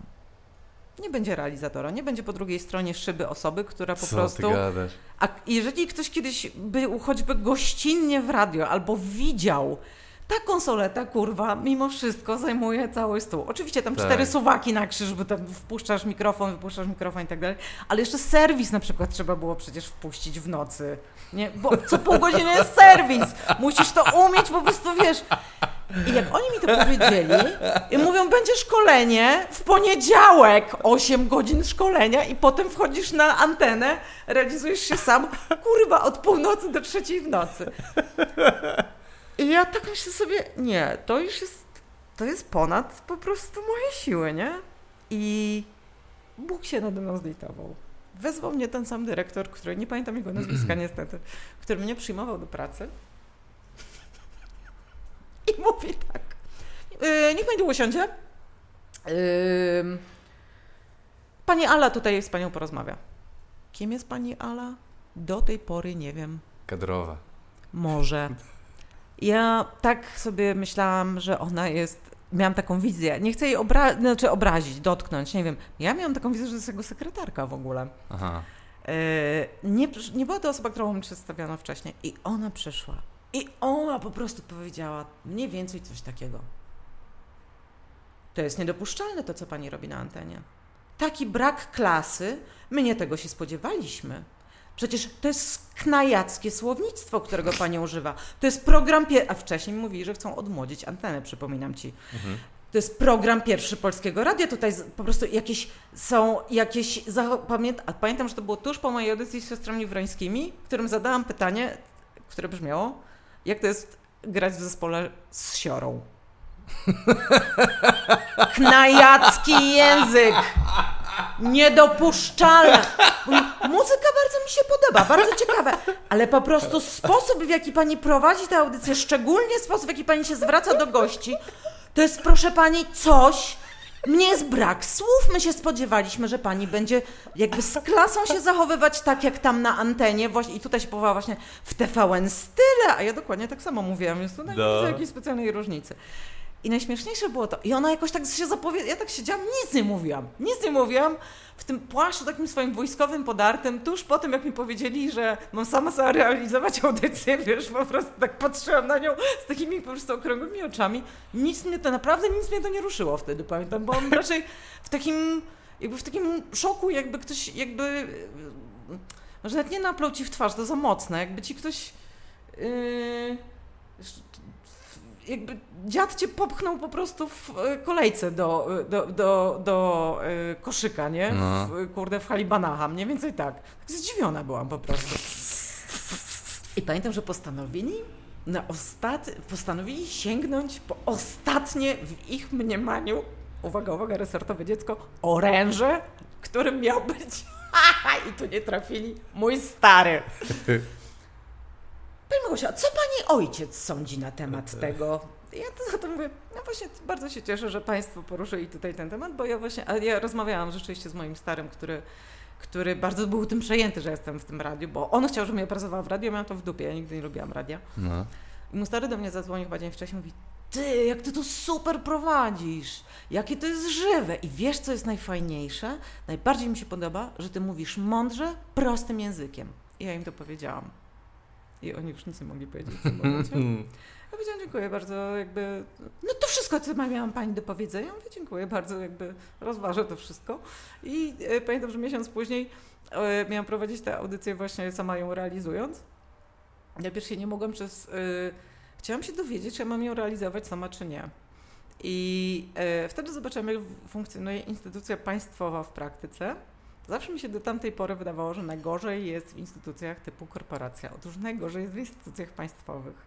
Mm. Ja siedziałam w sekretariacie przez godzinę, czekając na to, żeby dostać się do dyrektora i w ogóle porozmawiać z panią sekretarką. A pani sekretarka, i to nie jest żart, naprawdę oglądała katalog Avonu z koleżanką. A potem, jak już się tam dostałam, to ona, znaczy, przepraszam, jeszcze jak tam czekałam, to usłyszałam, jak ona mówi, bo wie pani co, ja mam taką metodę na trzy szufladki.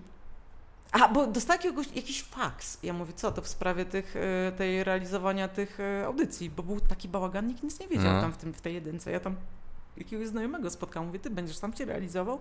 Mówię, kurde, ja nie wiem, nie? Przez, jakiś faks czy telefon. No mówię, nie wiem, trzeba porozmawiać z dyrektorem. Ja mówię, to, to, to a propos tej, tego, tej sam, samorealizacji. No nie, nie, ale jakaś inna sprawa, to zaraz wydrukuję sobie do szuflady. Bo ja mam metodę na trzy szufladki. Aha, czekam na to, tak, uśmiecham się tak głupio. Najpierw chowam, do y, najniższej szufladki. E, I potem jak e, ktoś e, do mnie zadzwoni, to przenoszę do wyższej szufladki. I potem czekam, aż zadzwoni jeszcze raz albo przyjdzie i wtedy przenoszę do najwyższej i wtedy idzie do dyrektora. Ja Słyszę to na pierdolę. własne uszy. Chcesz wody jeszcze? Mm. Dziękuję. Rozgrzałam się wspomnieniami o pierwszym programie Polskiego Radia. Ja sobie czasami tak myślę, że ja... Bo wiesz, to jest takie prestiżowe, pierwszy program Polskiego No Radia. tak. No ale no jednak nie wpisuję sobie tego do CV. Jednak wolę sobie wpisywać to, że jestem autorką codziennika feministycznego, do którego piszę knajacki język. Straszne. No dobra, i co? e, Czekaj. I Co dalej? Co dalej właśnie się dzieje? Masz depresję, wywalić cię z radia. E, Wywalili mnie z radia, tak. po, po straszliwe. Nie, bo oni powiedzieli, bo ja powiedziałam, że nie, w ogóle tam jeszcze było jakieś zamieszanie, bo ja powiedziałam, że ja rezygnuję w takim razie, że ja oddaję swoją audycję, nie wiem, że na następny miesiąc i ktoś do mnie zadzwonił w dniu audycji, czy ja przyjdę, bo przecież o 12 jest audycja. Ja mówię, no nie, powiedziałam, przecież przekazałam informację, że będę za miesiąc, jak się nauczę realizować, bo na razie nie umiem. No. Jak to, ale ty jesteś tu wpisana. Przekazywałam te informacje specjalnie. Byłam jeszcze u dyrektora, rozmawiałam z nim na ten temat. Powiedziałam, może jeżeli mam się sama realizować, to ja nie będę robiła najbliższej audycji. No i co my teraz zrobimy? Mówię, nie wiem, ale ja nie przyjdę. Nie mam audycji przygotowanej. I tak się pożegnaliśmy generalnie. Tak, tak wyglądało słodkie pożegnanie. Więc mam depresję, piszę te teksty o muzyce, wydaje mi się, że wszyscy się ze mnie śmieją. Chodzę na koncerty muzyki improwizowanej. Yy, Symfaxin XR yy, wskakuje powoli, poznaję swoje... takiego? Syn fuck. Tak się nazywał ten lek, który brałem. dla- A, okej, Faksyna. dobra, dobra, dobra. Więc już jakby zaczynam być, zaczynam być innym człowiekiem, jest okej. No, ale generalnie roboty nie mam. Nie wiem, co dalej będzie, jest mi tam trochę smutno. Akurat się zakochałam, jest trochę byłam zajęta czymś innym. I, ra, I wiesz co, no z pracą w mediach jest tak, że zresztą pewnie ze wszystkimi projektami jest tak, że robisz 10, wypala jeden. No. Mhm. Em, I jakoś zaczęły się te projekty kręcić, jakiś łącznie z jakimś po prostu, kurwa, teleturniejem z Krzysztofem Ibiszem, który miałam kręcić. E, w Polsacie ktoś nagle stwierdził, że jestem super, idealnie się do tego nadaje. Widzieliśmy Cię w Vivie, jesteś świetna, potrzebujemy kogoś żywego. No i, ale nic z tego nie wyszło. E, I ostatecznie e, nagle jedna z dziesięciu propozycji okazała być się po prostu, to będzie, y, okazała się być strzałem w dziesiątkę. Cofnijmy się kilka lat. Przypominam wszystkim mój program e, kulturalny, który kręciłem u siebie w domu. Zrobiłem pilotę, nic z tego nie Tak. wyszło. Poznaję człowieka z konkurencji. Piszę do era, e, nie do era Music Garden, tylko T-Mobile. Music Polska. Poznaję człowieka z Orange, który tak samo pracuje w e, komórkowej e, sieci, która chce być mecenasem i też chcą robić portal muzyczny. Mhm. I on mówi, ciebie szkoda na nich. Ja oczywiście też myślę sobie, że mnie szkoda na nich. My chcemy robić kon- content wideo. Mówię, zajebiście. Chcecie robić program muzyczny? Tak. Mówię, Jezus Maria, co za wariaci w ogóle, super. Dajemy ci 5000 złotych netto, to jest twoje wynagrodzenie, masz wymyślić program i powiedzieć, czego ci potrzeba, żeby go zrobić. No kurwa, jest to ukoronowanie kariery dziennikarza muzycznego. Nie ma nic lepszego dla dziennikarza muzycznego niż mieć autorski program. Nie ma Super. wyżej. Nie może być wyżej. Mhm. Ja robiłam ten program, nazywał się na Repicie. Zrobiłam 22 odcinki, jest do obejrzenia cały czas na YouTubie chyba, tak mi się wydaje. E, Chociaż nie ma, nie pod hasłem Małgorzata Halber, tylko pod hasłem na Repicie. Repicie, okej. I słuchaj, w ogóle, wie, znasz oczywiście i wszyscy znamy chińskie powiedzenie pod tytułem jeżeli wystarczająco długo siedzisz nad brzegiem rzeki, to zobaczysz zwłoki swojego nieprzyjaciela spływające jej nurtem. Wspaniałe powiedzenie. Mój ojciec. To Nie mój znam oj- go, O. Antek! To trzeba sobie codziennie rano powtarzać. tak. E, no i Boże, tutaj nie spłynęli moi wrogowie nurtem, ale wszyscy ci, którzy y, źle o mnie mówili, nagle No. się musieli przeprosić po prostu, bo się okazało, Mm. że ja jestem kompetentna, zabawna i mało tego, e, skromna. Ha! Bo ja tego programu, ja wymyśliłam sobie, że nie będę tego programu prowadziła sama, że do każdego będę zapraszała jakiegoś dziennikarza muzycznego. Program się nazywał Na Repicie, dlatego że mnie strasznie nudzi po prostu to, że wszyscy zawsze mówią o premierach wszystkiego. Aha. Premier to się zdarzy jedna fajna rzecz generalnie, a jest całe uniwersum różnych rzeczy i to dotyczy i książek, i seriali, no seriali to może nie, i książek, i płyt, i filmów, że po prostu raz na pewien czas ktoś ci mówi, ty, a znasz takie coś z 87 roku, to jest ekstra. Tak, tak. E, natomiast tych poleceń zawsze warto słuchać i ja sobie wymyśliłam, że będę mówiła o płycie, e, będę mieć taki filtr szczerości. I że ja będę mówiła o płycie, której słucham na okrągło teraz, w tym ostatnim czasie, w ciągu ostatniego tygodnia, bo on był No. tydzień. Dlatego na repicie nazywa się program, bo to się tak mówi z młodzieżowym slangu, że się czegoś słucha na repicie. Więc ja mówiłam, czego słucham na repicie i mój zaproszony gość, za każdym razem inny, E, I ja wtedy by, jakby też mi zależało na tym, żeby wylansować dziennikarzy piszących takich, o których właśnie za dużo osób nie wie, a których, których ja szanuję. Mhm. Bo wtedy był taki złoty czas rzeczywiście, że były portale internetowe, które ludzie zakładali sami, tacy, no, tak zwani milenialsi oczywiście, zakładali sami i e, pisali tam super o muzyce zupełnie inaczej niż, wiesz, niż w teraz roku oczywiście, chociaż raz postanowiliśmy, że zrobimy inaczej i zaprosiliśmy e, Hirka Wronę. Mhm. Końcu nie pamiętam, czy zaprosiliśmy Annę Gacek, czy nie. Pamiętam, że chcieliśmy, może nam się nie udało. Nie pamiętam już, czy nam się udało, czy nie. Może nam się udało. E, bo ja też miałam takie poczucie, że wszyscy, wszyscy z Ani się śmieją, a nikt jej nie traktuje poważnie jako dziennikarki muzycznej. Myślę dobra, jakby trzeba z tym skończyć. A wiesz, a w międzyczasie tych wszystkich jakichś takich jadących blogerów, którzy tam po prostu nienawidzą świata, wszystkich zapraszałam, a to oni wcześniej mnie nienawidzili i ze mnie darli łacha, no a teraz już im było głupio, mnie zaprosili do programu. A program był fajny, bo jeszcze na sam koniec mój kot oceniał płyty, o których mówiliśmy. Jak to twój kot oceniał płyty? Jak sobie kiedyś włączysz, na koniec był, możesz przejść przejechać na sam... Wszyscy na to czekali, no. bo to trwało tylko 30 sekund. To był test buły. Puszcza... I to się działo naprawdę. My puszczaliśmy bólę po 10 sekund, każde, y, bo więcej nie można, bo prawo cytatu. Tak. Po 10 sekund y, z płyty, którą ja polecałam i z płyty, którą polecał mój gość. I generalnie wygrywała ta płyta. Im dłużej kot siedział na gramofonie, na którym siedział y, i słuchał tych płyt, tym jakby lepiej. Czyli wygrywała ta płyta, który była dłużej słuchał. Tylko dwa razy musiałam posmarować gramofon makrelą, żebyś posiedział, bo w ogóle nie chciał usiąść. To jakiś szacherbacher widzę ale na zapleczu był. Nie, no, ale tylko dwa razy, bo telewizja kłamie, ale nasza nie kłamała. Jeszcze robiliśmy sondę. Była, była kłamie. Jeszcze robiliśmy sondę, pamiętam.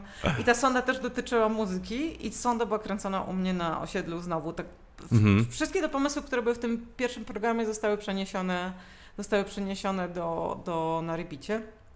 I to było ekstra, bo na przykład, wiesz, skrzyżowanie ulicy Bitwy Warszawskiej oraz Grojeckiej, czyli to naj, najruchliwsze obok mnie. Mhm. I my tam pytamy ludzi, a jakie zna pan gatunki muzyki tanecznej? Yy, albo co to jest jazz improwizowany? Albo... Yy, Kurde, nie pamiętam jeszcze jakieś były. Pamiętam, że były takie, bo robiliśmy o Tulu też jeden odcinek no. i z Tulem jest taka śmieszna, ale to już wejdę w z Tulą jest taka śmieszna historia, że dziennikarze muzyczni strasznie nie poważają tego zespołu. Naprawdę? Tak. Co ty gadasz? Mówię o dziennikarzach. A potem się okazuje, że kto nas nie słuchał Tula, niech podniesie rękę. No dokładnie. No więc ja mówiłam w którymś z odcinku, właśnie mówiłam chyba o, o Enimie, którą uważam za najlepszą ich płytę. I robiliśmy sondę, pamiętam jak dziś, na y, podstacji. Wtedy robiliśmy pod stacją Metrocentrum, bo jakoś kręciliśmy w Śródmieściu i pytaliśmy tylko ludzi, czy słuchają Tula. Mhm. Tylko to nas interesowało. I powiem Ci, że było strasznie dużo ludzi, którzy mówili, bo a pytaliśmy takich, wiesz, że było widać młodziaków, nie? No. nie? Nie będziemy pytali pana 60-letniego, bo wiadomo, że nie. A tutaj chodziło o taką jasną wiadomość. I kurde, tyle osób pytało, co to jest, że to było niesamowite. No i to było koronowanie mojej kariery, która przypominam zaczęła się strasznie w bólach, przeszła przez depresję, łapki w dół, więcej łapek w dół niż łapek w górę pod moim felietonem, 13 łapek w dół, 12 łapek w górę. A ty w końcu odeszłaś z tego, z tego portalu? Tam, Oni mnie e, podkupili. Podkupili cię. Aha, czyli ty do oręża przechodzisz tam tak, i przechodzę do oręża, co wbili. Sukces no, i wrogowie sukces. spływają. Tak. TVP1, tak, pani kadrowa. Tak, zdaje się, że mój naczelny mi do tej pory tego nie wybaczył. Eee, no przykro mi, no co, co zrobić. Ciekawe, założył, kilka lat później założył własną gazetę, która wychodziła yy, w druku muzyczną i nie zaproponował mi współpracy. Szokujące. No, więc tak. Yy, A kiedy był zespół twój w ogóle? Zespół muzyczny? No. O, to zespół muzyczny był w... przepraszam, na sam koniec mojego picia. W sensie, to, przepraszam. Kiedy najlepsze tak pomysły było. przychodzą. Tak, tak, tak. To już było takie, że, e, że już tak w ogóle...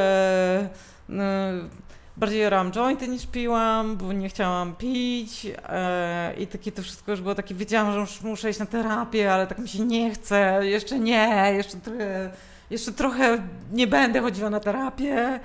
I wtedy się pamiętam, e, to musiał być 2006, 2007 rok. Mhm. I myśmy go założyli na takiej zasadzie, że no były, spotkały się trzy osoby, które miały po prostu szalone pomysły.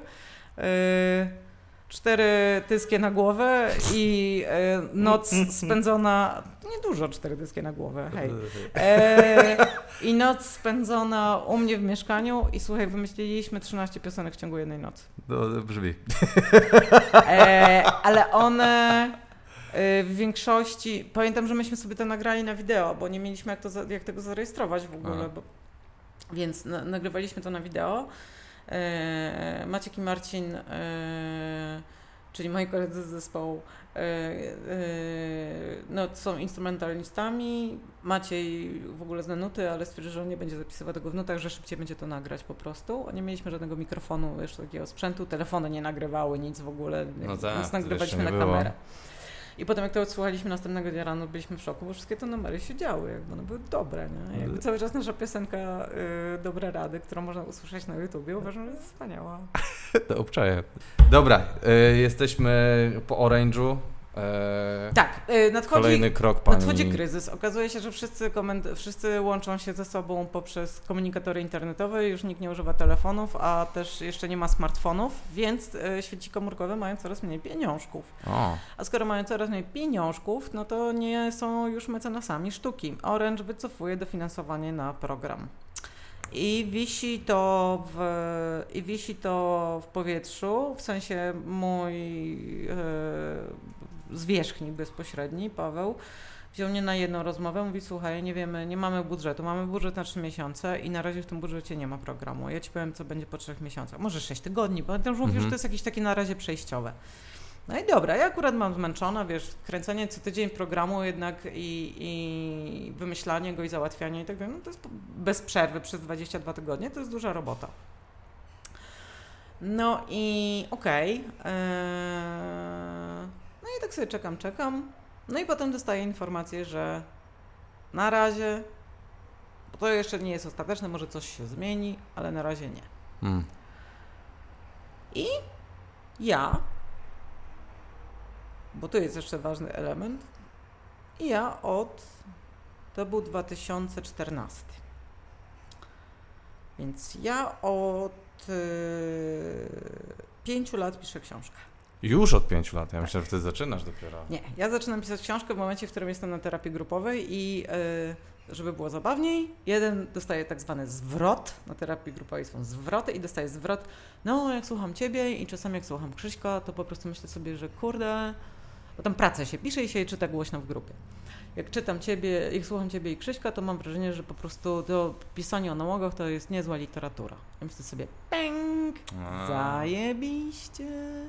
Nigdy w życiu wcześniej nie myślałam o tym, że napiszę książkę. Zawsze pisałam. Yy, zajmowałam się pisaniem. Piszę generalnie od 11 roku życia, prowadzę dziennik. Ludzie czasami, mm, jak widzą na moje dzienniki, to mówią: O Jezu, ile ty tego piszesz? A ja piszę codziennie, co najmniej przez co najmniej stronę, czasami Super. więcej. E, więc to, nie pamiętam, czyja to jest ta teoria, że trzeba zrobić 30 tysięcy godzin czegoś, żeby być w czymś Tak. dobrym. Tak, Że tam słyszałem. Beatlesi zrobili swoje 30 tysięcy godzin w Hamburgu i potem już mogli, i potem już mogli, dlatego byli dobrzy, jak już wystartowali w Liverpoolu. No więc za swoje 30 tysięcy godzin odrobiłam po prostu pańszczyzną, pisząc bez przerwy dziennik, pisząc listy też, co ciekawe. W ogólniaku, jak byłam tą dziewczynką z 5-15, to ponieważ nie miałam, nie miałam kontaktu z rówieśnikami, to ja pisałam listy. Ja byłam e, korespondencyjną koleżanką wielu osób poprzez ogłoszenie w Filipince. Siedziałam w domu i pisałam listy, no naprawdę. I to, To takie ogóle dlatego cię nie grube. spotkałem w w Falenicy po prostu nigdy. No. I mm, no ja pisałam tak swoją książkę i to też nie jest historia y, totalnego sukcesu. Y, bo W sensie wydanie czy pisanie? pisanie najpierw. Pisanie, pięć, pięć no. lat to jest długo. To jest w chuj. E, przy czym ja cały czas uważam, że bardzo dobrze wyszło, że tak długo, bo dzięki temu ta książka jest lepsza. Bo ja sobie nie planując tego, zarejestrowałam po prostu jakiś cały proces, który we mnie zaszedł. E, zachodzi w bohaterce. Mm, Tak, i- w tej bohaterii. tak. No, ja cię słucham. ja wiem, wiem. E, I było tak, że jak już napisałam, czułam, że napisałam tego już naprawdę dużo.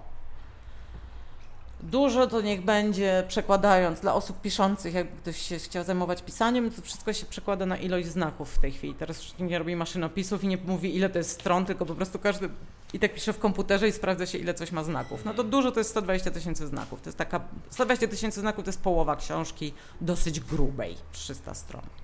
Więc ja napisałam mniej więcej 120 tysięcy znaków i pomyślałam sobie, mm, potrzebuję feedbacku. Potrzebuję wiedzieć, czy to jest dobre i czy jest Mhm. sens, żeby to pisać. I zaczęłam o tym nieśmiało mówić wśród moich znajomych z pytaniem, czy nie chcieliby przeczytać mojej książki. Po prostu. Pech chciał, że wtedy, 2009, miałam samych znajomych z pracy. Jak się pracuje w telewizji, to zazwyczaj ma się samych znajomych z pracy. Mhm. I nic nikomu nie ujmując, bo oni potem przeczytali tę książkę, zresztą jak ona wyszła, i pisali do mnie i w ogóle. Generalnie nikt tej książki nie przeczytał. Ja nie dostałam żadnego feedbacku przez. Nie wiem, ile ja czekałam. Rok, dwa, jakby pół roku może. Może, wiesz, bo ja pracowałam, byłam zajęta. Nie, nikt po prostu, a 30 osobom to chyba wysłałam. Nikt. O, ładnie. No więc pomyślałam sobie, hmm, i zarzuciłam to. Zarzuciłam to pisanie na razie i też było, tro... znaczy wiesz, zarzuciłam. Ja tam coś dopisywałam i tak dalej, ale już nie, nie miałam takiego poczucia, że to jest coś, co ja, nie wiem, powinnam skończyć, że, że warto i tak dalej. Miałam to w tym komputerze, czasami sobie naczytywałam, myślałam sobie, czasami to redagowałam, tam poprawiałam. No ale generalnie zostawiłam to, no bo jak się nie dostajesz, po prostu nikt ci nie mówi, a to naprawdę jest bardzo ważne w e, przypadku pisarza, nie wiem jak jest w przypadku innych e, kreatywnych zawodów, ale w przypadku pisarza, który siedzi po prostu godzinami, to jest bardzo ciężka praca. Ja czasami No. sobie teraz, teraz sobie myślę, jak teraz kończę drugą książkę, że ja sobie naprawdę kurwa wymyśliłam trudny zawód. W sensie jakby siedzisz sam, z nikim nie gadasz, nie, nikt ci nie mówi, e, że powinieneś przestać pisać na przykład. E, No właśnie nie zacząć, tylko przestać. Czy już starczy? Tak, bo, Mhm. bo już tak nic z tego nie będzie. Nikt ci nie daje instrukcji obsługi, jak to zrobić. Owszem, są jakieś kurwa kursy kreatywnego pisania. I może Tak. one się sprawdzają. Yy, Chuck Palaniuk yy, skończył kurs kreatywnego pisania, więc jak widać Może działa. w Stanach się sprawdzają. Natomiast generalnie no, nie jest to najprostsze, yy, powiedzmy sobie szczerze. I nigdy nie jesteś z siebie zadowolony. I zawsze myślisz, że jest za mało i że trzeba było lepiej. To jest samotna robota, To jest, strasznie. sam, to jest strasznie samotna Tak. robota, alienacyjna, dlatego musi być feedback. E, Kiedyś było tak, że pisarze się spotykali w kawiarniach i czytali sobie na bieżąco, o tutaj przeczytałem coś tam, pamiętam, jak, czytałem jakiś fragment o Dygacie, który napisał jakiś, jakiś, mam wrażenie, że super, nie wiem, czy tam w podróży akurat napisał fragment, pojechał do księgarni, czyta kolegom, mówią zajebiście i wraca do domu i pisze dalej, no bo ma ten Tak, feedback, tak, nie? tak. Ma, te, ma te klaski, kurde, wie, że No to jest... jest, ale ja się cieszę, że w stand-upie mogę wyjść na open No mic'a, więc- Tak. przetestować fragment, dorzucić do całości, nie? A ty nie masz tak, No. ty rypiesz... No właśnie, trochę mam i trochę nie mam. W sensie y, ja się nauczyłam, bo niektórzy to się wstydzą i mówią, że tak nie wolno i tak dalej. Pamiętam, że jak ja pisałam y, Najgorszego Człowieka, a czekaj, bo, y, No. dobra, i nikt mi nie daje feedbacku, nie ma klasków, jest open mic, mówię, kurde, po prostu mam, mam, mam super puncha na koniec i jest cisza, nie? Jakby i myślę sobie, aha, dobra, no to jakby jest wiele zawodów na świecie, może powinnam zacząć robić coś innego. W międzyczasie zaczęłam zajmować się pisaniem zawodowo, w sensie piszę te, jakby jestem tym, tą dziennikarką. Felietony lecą felietonistką, kciuki w dół, Tak. tak. I Co nie zachęca też na pewno. nie zachęca. Nie No. zachęca i ja w ogóle nie mam głowy do pisania książki, bo ja przez cały tydzień myślę o tym, możemy tam pisać następny felieton. Mhm. A potem go jeden, jeden dzień piszę, następny dzień sprawdzam, potem jeszcze poprawiam w redakcji. Nie ma przestrzeni w ogóle na jakiekolwiek książki. No. I zrządzenie losu. Yy, zgłasza się do mnie pewna osoba, yy, mówiąc mi, że wie, bo ja nie robiłam z tego jakiejś środowiskowej tajemnicy, że wie, że ja zrobiłam terapię uzależnień i że czy mogłaby się ze mną spotkać, pogadać, bo ona zaczyna podejrzewać, że ona yy, jest uzależniona. No to się spotykamy na, na, na murku przy Chłodnej 25 yy, świętej pamięci. Eee, gadamy dwie godziny i ja na koniec mówię, wiesz co? Bo ja to wszystko opisałam, co ja ci mówię, nie? Ja, ja, ja miałam taki pomysł, żeby napisać książkę i ja ci, ym, ja ci ją wyślę. E, może, bo tam jakby ja ci mogę powiedzieć, ale też dobrze jest, myślę, że ja to pisałam z myślą o kimś, kto jest w takim momencie jak ty. No. I wysłałam mi to.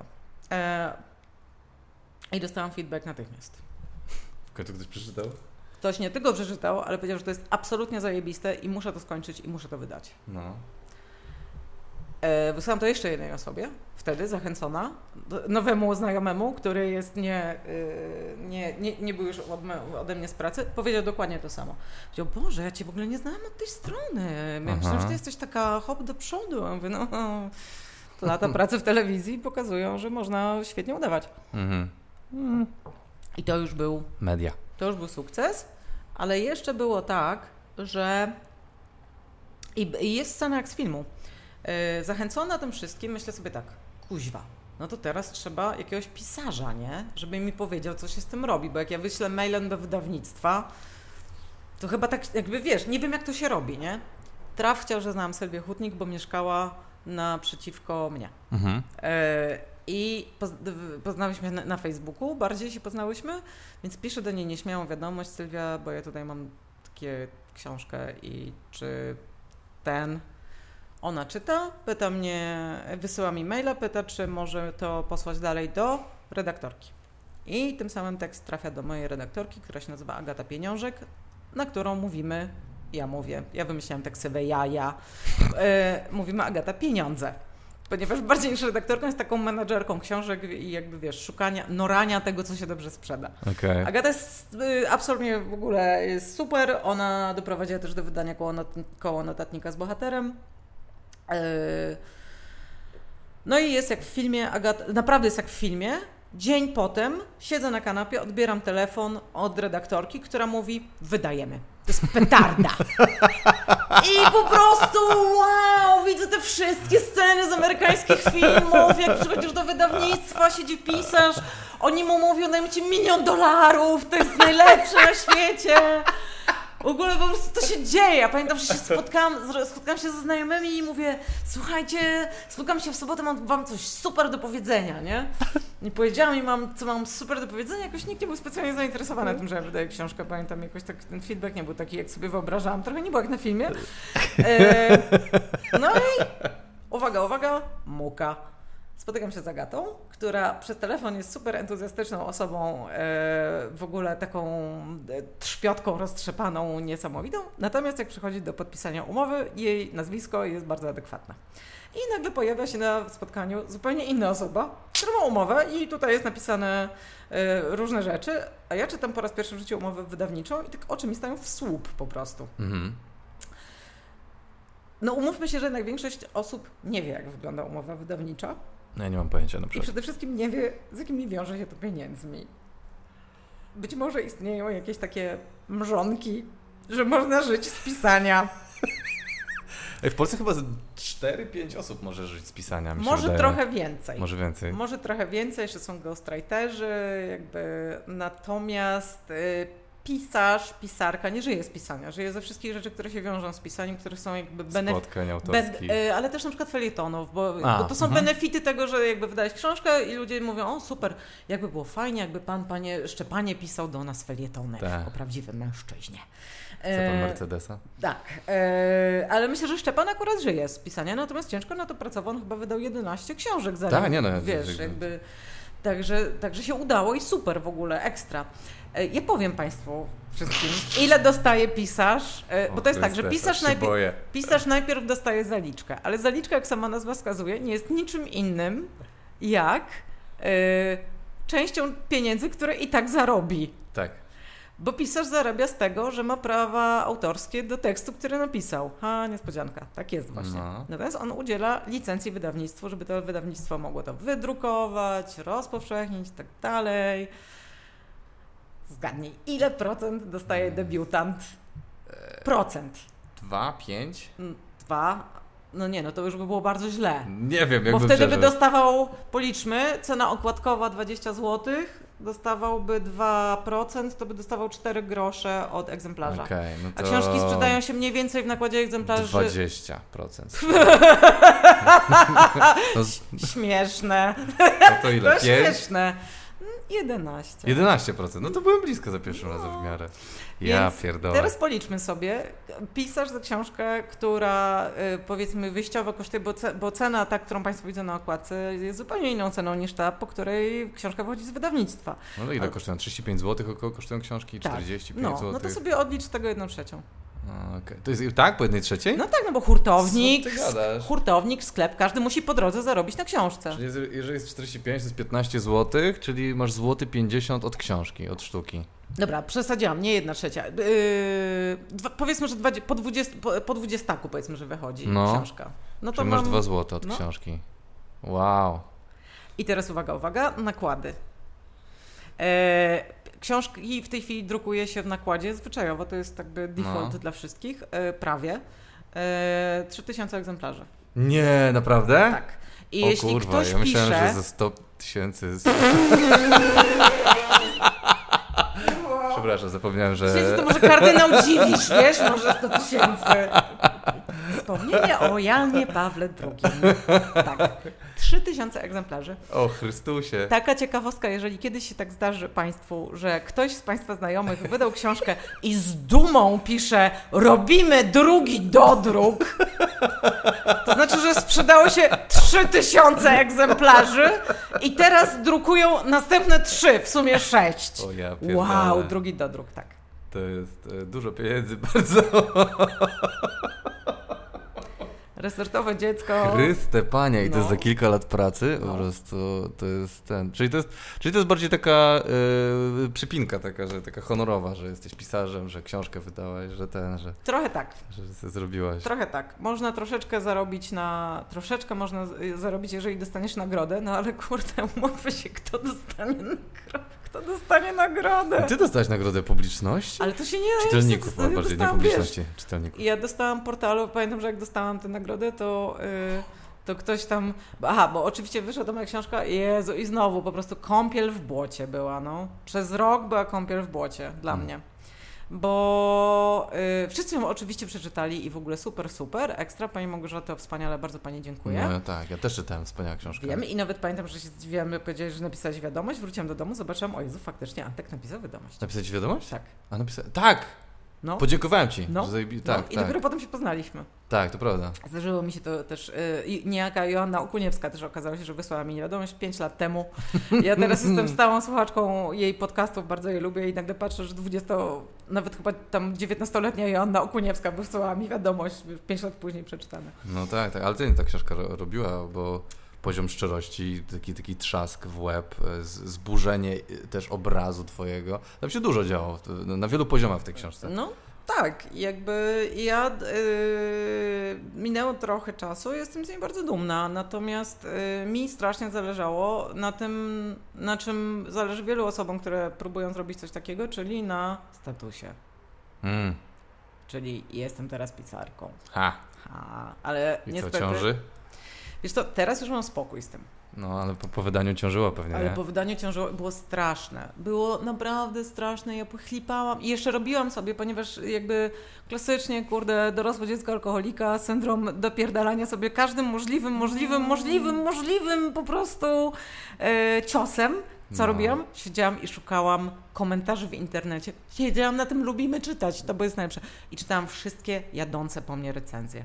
Pamiętałam wszystkie osoby, które źle powiedziały o mojej książce. Mhm. I po prostu nigdy w życiu miałam, i miałam taki kryzys, że po prostu bałam się cokolwiek napisać. I minęło na szczęście, i to było, i to naprawdę, ja to strasznie przeżyłam. Strasznie to przeżyłam i myślałam, że już nigdy w życiu nic nie napiszę i w ogóle ojej. Także ta następna ścieżka mojej kariery też y, poszła, jakby też nie była usłana różami. Mhm.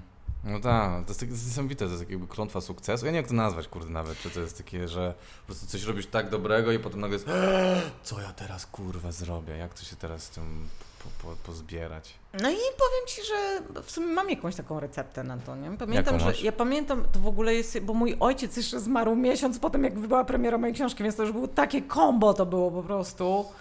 E, ale jedna z ostatnich rozmów, jakie miałam z moim ojcem, pamiętam, że miałam jakiś taki najazd troli w ogóle na swój profil na Facebooku i to było straszne. To było tak, że ja po prostu takie komentarze potworne, jakie takie jadące po mnie.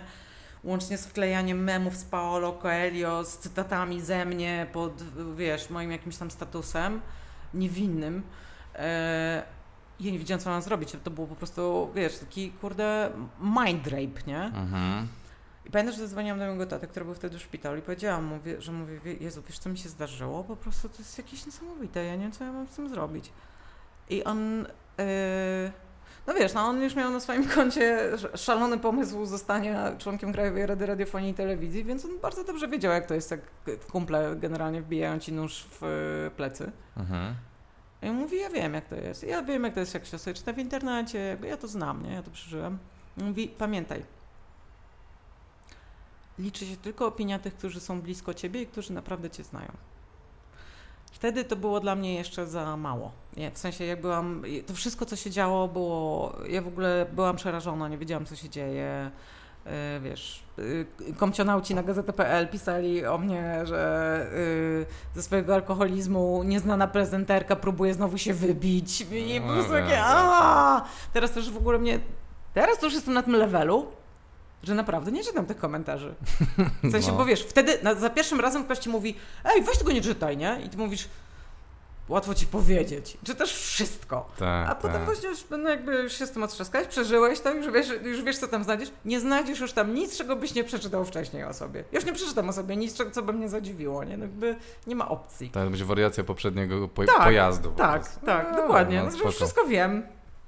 A w międzyczasie się okazało, że bardzo wiele osób, które ja cenię, szanuję, ty na przykład, O, dziękuję. bo mówię serio, e, takich, które uważam, których rzeczywiście opinie uważam za wartościowe, przeczytało tę książkę i ta książka była dla nich ważna i jakby i pomyślałam sobie, okej, dobra, czyli może tutaj e, Justyna Sobolewska nie skłoniła się nad moim tekstem Mhm. oraz e, nie drukuje w dwutygodniku, ale ta osoba, ta, ta, ta, ta, ta, ta i ta, które szanuję też, uważam, że to jest super. No. No to luz.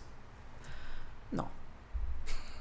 Także tak. A moja kariera rysunkowa yy, też jest Czyli bohater. bohater, tak, to jest śmieszne, bo ona akurat. Yy, znaczy, bohater się wziął z depresji. To było wtedy, jak ja y, 2012 nie Też mógł. się książkę piszesz, to robisz bohatera jednocześnie. Ale ty Tak, to wrzucałaś tak. na, na bieżąco chyba do netu. Tak, on tak, pamiętam, że tak. on krążył tam. Tak, tak, nie. 2012 dostaję depresję, nie wiem, co mam robić ze swoim życiem i zaczynam rysować komiks. E, I robię to anonimowo, ponieważ od zawsze zależy mi na tym, żeby jakby znane było moje dzieło, a nie to, że ja gdzieś występowałam w telewizji, więc można to podpiąć pod coś. No, no. Zresztą bardzo utalentowana y, rysowniczka Matylda Damięcka. Tak, ona ma dokładnie też te fajne, A tak, ona tak, jest tak, tak. super, naprawdę Matylda jest absolutnie super, ryco- y, ale Tak. super rysowniczką, ma super kreskę, super kumację, wiesz, i tak dalej. Tak niestety trzeba robić, jeżeli chce się być docenionym. To się nazywa The Girl, The Girl Who Fell on Earth? Czy Tak, dokładnie tak. No, no. No. E, I ja sobie pomyślałam, nikomu nie powiem. W sensie moi znajomi tylko, tylko wiedzieli, bo ja wiesz, rozesłałam, mówię, a dobrze, mam sobie fanpage. Tam się wszystko skleiło, akurat wiesz, siedzenie na fejsie się opłaciło. Czasami taki, taki, taki czysty slakeryzm się po prostu opłaca, nie? Ja byłam właśnie slakerem, który miał dołę, siedział na fejsie non-stop i oglądał memy i patrzył, co się zmienia. Ale ja mam też taki, jestem wyczulona na nowinki i mi się memy strasznie podobały, ale ja nie umiem, znaczy teraz już trochę umiem, ale ja nie umiałam nic zrobić w programie graficznym No. na komputerze.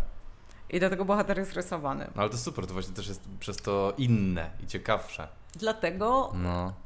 yy, wady naprawdę bardzo często mogą się okazać. Yy, Właśnie to jest ciekawe, że u Ciebie z, z tych największych dołów wychodzą najfajniejsze rzeczy. No. Co gratuluję i współczuję, nie? Bo jak, jaki to wzór e, jakby tworzy, to jakby hej, powstaje coś następnego, jak?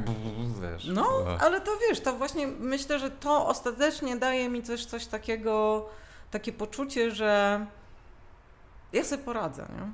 Mhm. I to, znaczy, to jest właśnie fajne w tym, jak się ma 40 lat. Nie jest fajne to, że się bolą plecy i musisz usiąść. Chujowe na maksa. I że nie można zjeść dwóch pizz w ciągu jednego wieczora. Kebaba po 23 brakuje. No, to jest przejebane po prostu. że leży, o Jezu, żygać mi się chce, Jezu, nie? I w ogóle wzdęcia!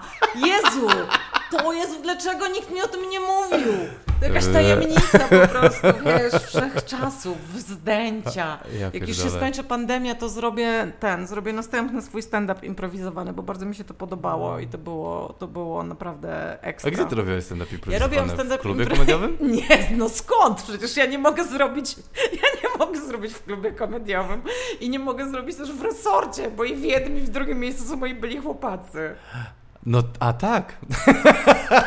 Właśnie tak jest! Ja ci coś ogarnę. Ja ci Nie, to- ja sobie sama to- A to ogarnęłam. prawda, ty sobie Ja sobie sama ogarnęłam. Powiedział, że zapisałam do Grzegorza Lewandowskiego, chłodna 25, bar studio. Napisałam do Grzegorza Lewandowskiego, mówię, ty Grzesiek, mam taki pomysł, chcę zrobić stand-up. Jesteś w stanie mi zrobić bramkę i zapewnić ile miejsc siedzących? No spoko, spoko. Jakie masz warunki? Czego potrzebujesz? No, Potrzebuję reflektor, jakby mikrofon i światło, nie? I bramkę, żeby można było pobierać bilety. I sama sobie ogarnęłam. Super. No. I kiedy to było? To było we wrześniu zeszłego roku. Naprawdę? Tak. To nie wiedziałem nawet. Tylko raz nazywał się Jak zamieszkałam z czterema kotami. Bilety się rozeszły w ciągu pół godziny. No to chciałbym mieć takie wyniki jak ty. E, nie będę pokazywała palcami, ale wiem, że jest osoba, która bardzo jest nieszczęśliwa z tego powodu, że i w ogóle do tej pory to podobno przeżywa. Ale to już jak wyłączysz mikrofon, to ci dobra, potem powiem. dobra. A jak ci poszło? No bo tutaj y, y, liczę, że nie, że nie poszło. Właśnie niestety poszło. Kurwa mać, za dużo tych sukcesów masz. Jakby za dobrze. To, to Eee. nie jest ten podcast o Ej, tym. ej, ale właśnie też było pod górkę, bo e, było pod górkę, bo ja najpierw robiłam, e, bo Agnieszka Matan w resorcie robiła Tak. open mic. Tak, kobiec. Nie, czekaj, y, jak sparowałem. Nie, jakoś tak. To ma jakąś taką nazwę tam coś tam. E, tak, ale bo ona najpierw robiła kobiece, a potem robiła, a potem się zapisałam chyba na normalny open mic w ogóle No, już, no. wiesz? I tak sobie pomyślałam, bo ja zawsze chciałam, ja zawsze chciałam robić stand-up, jak, jak tysiące osób, e, tylko e, ja, jak wiesz, już ci powiedziałam, nie umiem, jak mam napisane. Więc, ja, No se, tak. więc ja sobie wymyśliłam, że kurwa, zrobię stand-up improwizowany. No tak, bardzo dobrze. Zobaczymy, czy będę wsta- I miał takie. Najpierw wiesz, no tam po 5 minut udźwignęłam na scenie, nie? Za pierwszym razem kurwa kolana mi się trzęsły, byłam przerażona. No, ale jeszcze pamiętam, że z depry wychodziłam wtedy, jeszcze, jeszcze bo ja miałam jeszcze drugą depresję, jeszcze miałam drugą depresję. ale też ostatecznie wyszło dobrze. Em, I no, ale jakby poszło, nie? Poszło, poszło, było spoko.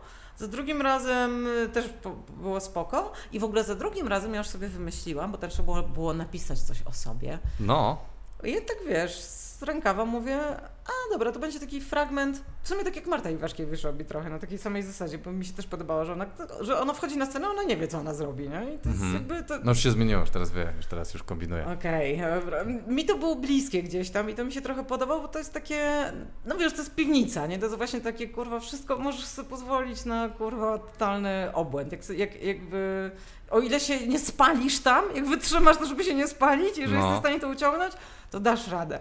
Chociaż faktycznie jest to trudne, w sensie jakby pamiętam, bo jeszcze przecież, ja jeszcze, jak byłam z Bartkiem Młynarskim, to w klubie komediowym zrobiłam trzy odcinki czegoś, co się nazywało klubem depresyjnym. Tak, było to, chciałem na to przyjść, nigdy nie miałem, kurde, wolnego terminu. I pamiętam za pierwszym razem, tak mi się trzęsły kolana i tak się bałam, tak czekałam na te śmieszki, na to po prostu, o Jezu, jakie to jest straszne. tak, jak No czekasz to- i nie nadchodzą. To bardzo, to bardzo niewielka kasta osób wie, jakiego rodzaju jest ta emocja, ale kurwa jest, straszne. jest. I dopiero wiesz co, u mnie to, dopiero się przestałam przejmować, jak sobie wymyśliłam coś tam, czym się miałam zająć, czyli komentowałam coś, co ludzie po prostu, ludzie pisali na kartkach jakieś swoje sekrety, ja je komentowałam. Tak E, sobie w tym klubie de, tym Tak, depresyjnym, a na tak. stand-upie miałeś Nie, na swoje... stand-upie już miałam swoje, ale na stand-upie miałam swoje, ale we mnie tak właśnie narastało. Stand-up był po tej depresji, właśnie zaczęłam z niej wychodzić, No. właśnie już nie, wyszłam z niej tak naprawdę i stand-up się nazywał Jak zamieszkałam z czterema kotami, Mm. Ponieważ opowiadał o tym, jak zamieszkałam z czterema kotami, a tak naprawdę opowiadał o wszystkich najstraszniejszych, ponieważ jak wiemy, najśmieszniejsze są najstraszniejsze rzeczy. No oczywiście, że tak. E, więc opowiadał o wszystkich najstraszniejszych rzeczach, które mi się wydarzyły w ciągu ostatnich czterech lat. Super. A No. będziesz to, po pandemii będziesz jeszcze robić? Tak, ale... Ja przyjdę e, z chęcią. Ale myślę, że po pandemii to ja zrobię. Po pandemii, czyli nigdy, jak ponieważ to się nie skończy. Tak, dobra. Ale wiesz, to właśnie myślałam o tym, żeby zrobić o ciele, nie? Bo Ciele jest fajne i śmieszne i o tym, jak to ciało się zmienia właśnie. Jezu, I właśnie, ludzie... O ciele i o seksie, po prostu, kurde, no... I potem pewnie mi się znudzi, zrobię coś innego. No bardzo dobrze. E, tak. I to by było chyba na tyle. A puenta z tej mojej depresji drugiej, w którą wpadłam po, po tym, kiedy po prostu zmarł mój ojciec, zmarła mi matka, rozstałam się z chłopakiem, zmarł mi wujek. E, Kurwa. no i jakoś tak. Ja pierdolę. Leki przestały działać. Nie wiem, jak to się stało, Ja ale leki pierdolę. przestały działać. No i to było już takie grube. W sensie ostatecznie ja nawet yy, ostatecznie wylądowałam w szpitalu, bo moja pani psychiatra, jak do niej tak przychodziłam z miesiąca na miesiąc, wiesz, teraz wyższe dawki leków nic nie działa, nic nie działa. No. I pani psychiatra mówi tak, no to co pani Małgosiu? Wiesz, psychiatrzy są różni, ale w większości z mojego doświadczenia to są jednak tacy, to jest kurwa specyficzny typ ludzi, to są wariaci. E, I pani Ula, to co pani Małgosiu? Hospitalizacja, nie? e, e, O wow, to grubo no. musiało być. E, wiesz co, bo ona powiedziała, trzeba pani zmienić leki, ale ja pani nie zmienię leków w domu, bo pani mi oknem wyskoczy, nie? I, O, wow. I często ludzie się kładą też do szpitala dlatego właśnie, że po prostu trzeba im zmienić leki, a ponieważ to są leki, które działają na głowę, nie wiadomo co się wydarzy w ogóle, to musisz być pod 24-godzinną opieką. Mm. No i ja się na miesiąc położyłam do prawdziwego szpitala psychiatrycznego w wersji deluxe. Zapłaciłam pieniążki. Za wydaną książkę Pienio- miałaś. Pieniążki miałam, tak. Książka troszeczkę zarobiła, nie ukrywam. Nie pamiętam, ile tam się w końcu go sprzedało, teraz wszyscy będą mnożyć, ale ktoś tam policzył, że chyba 38-40 tysięcy egzemplarzy, coś Ładnie. takiego, no.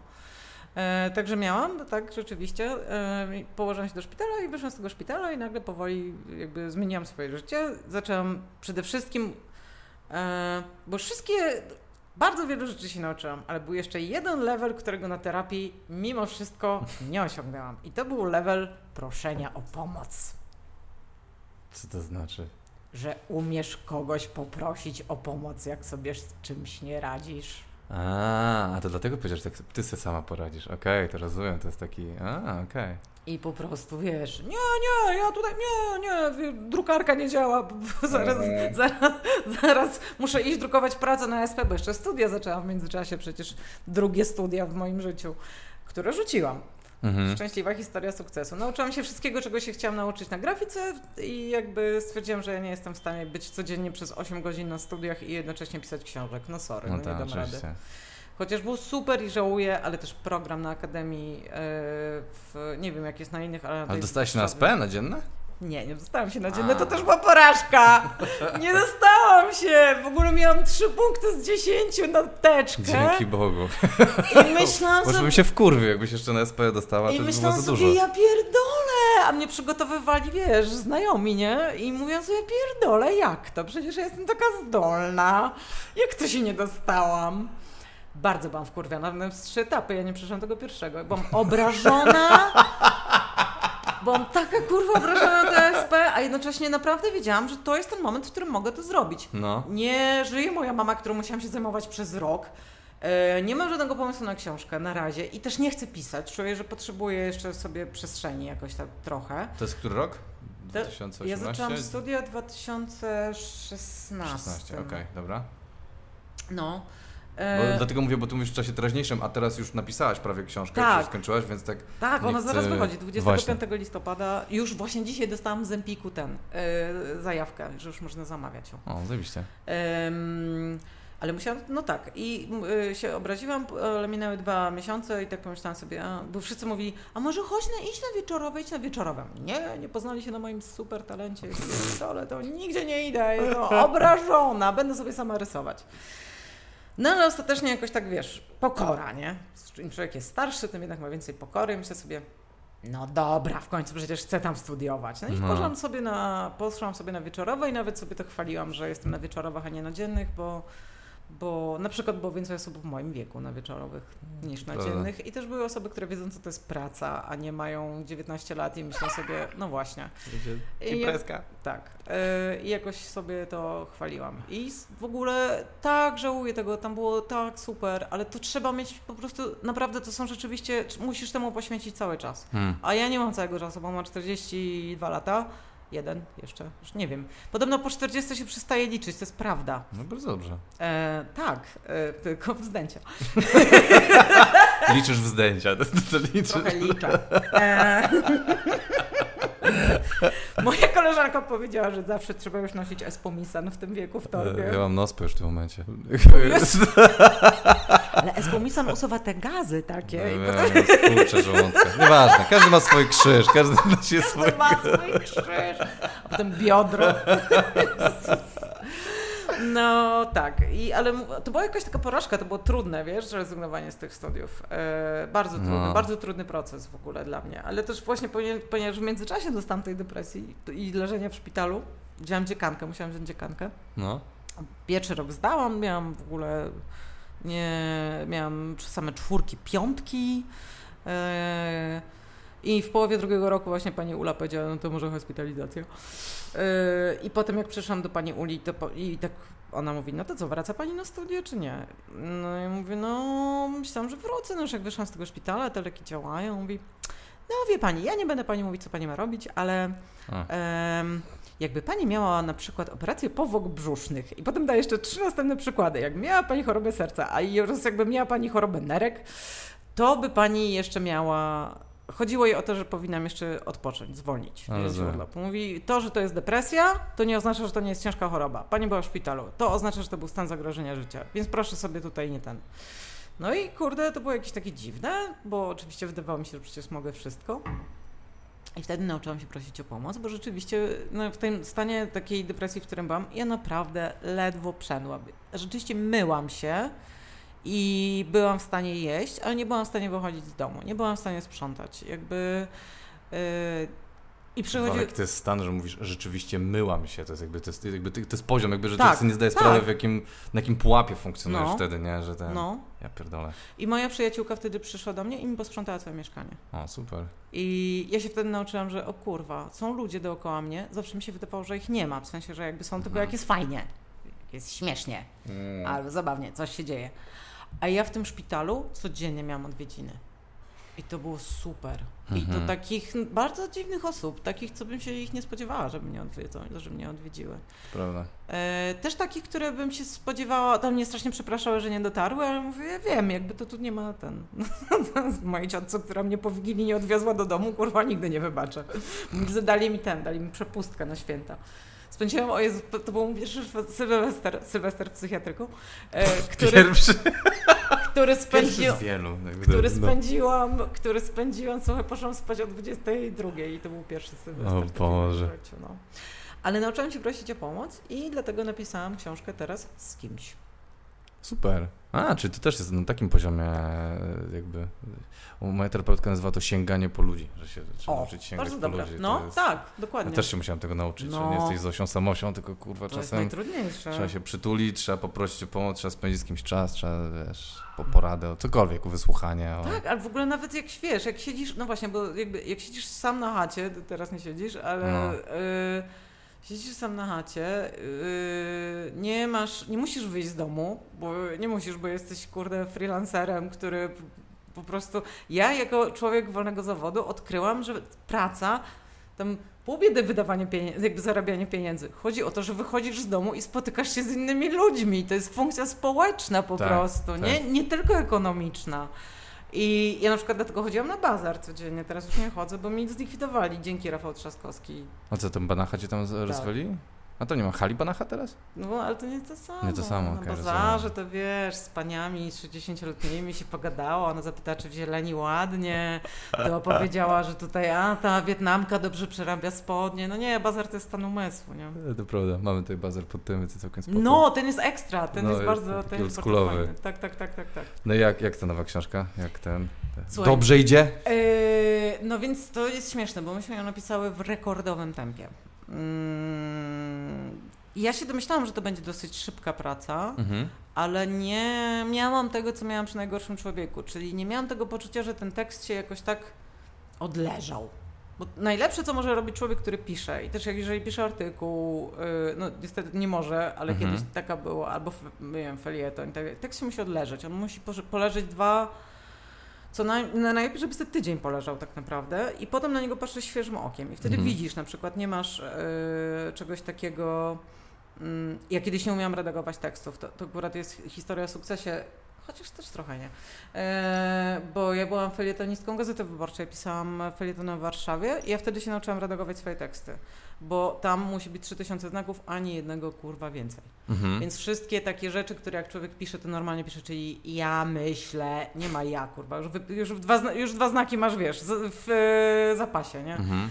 E, Wszystkie jakby, ten, taka wata słowna Tak. i uczysz się wtedy tego, ja się, to była super lekcja, ja się super tego nauczyłam. Zresztą po, miałam taki pomysł i mam też podpisaną umowę na następną książkę, to w ogóle tak swoją. Już?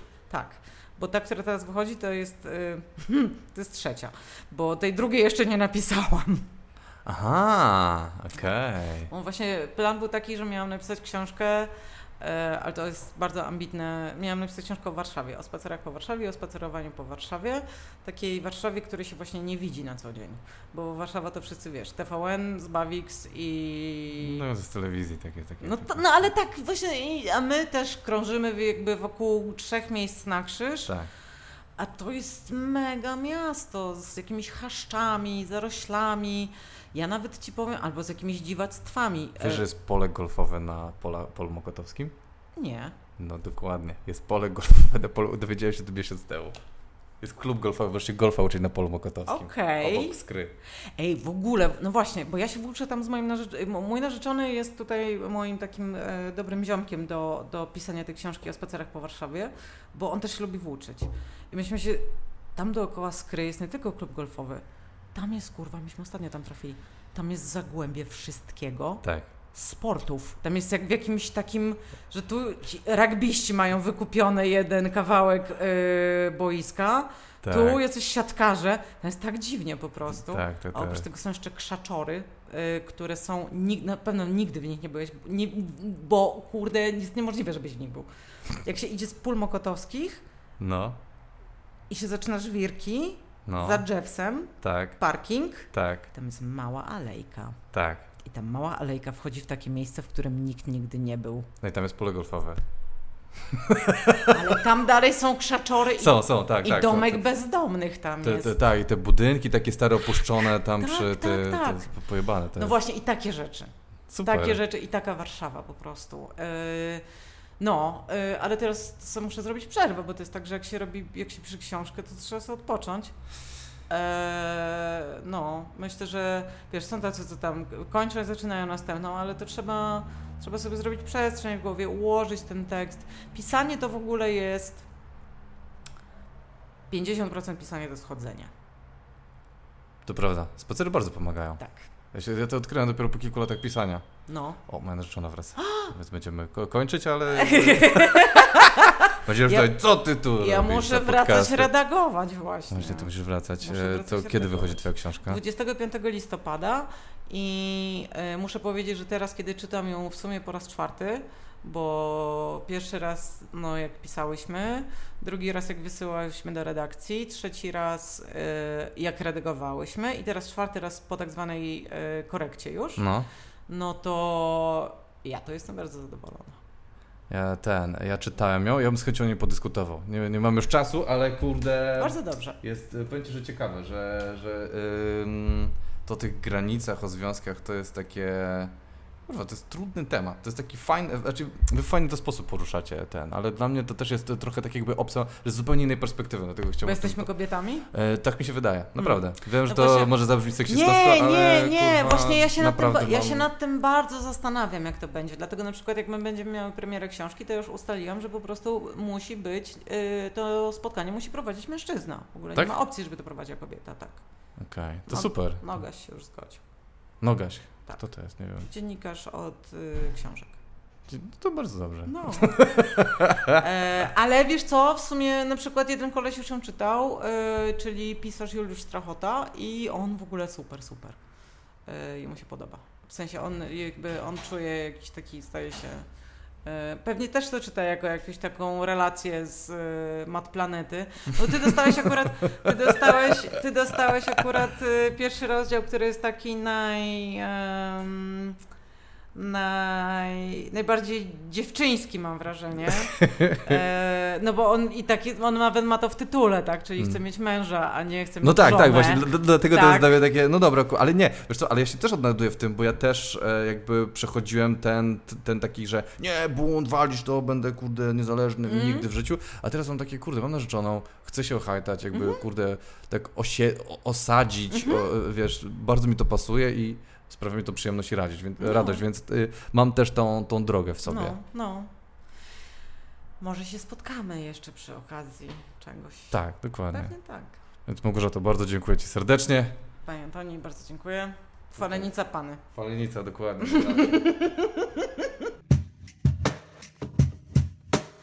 Dziękuję bardzo Małgorzacie za przybycie. Dziękuję Wam bardzo, że słuchaliście. E, Chciałem Was zaprosić na najnowszą książkę Małgorzaty Halber, która wychodzi 25 listopada.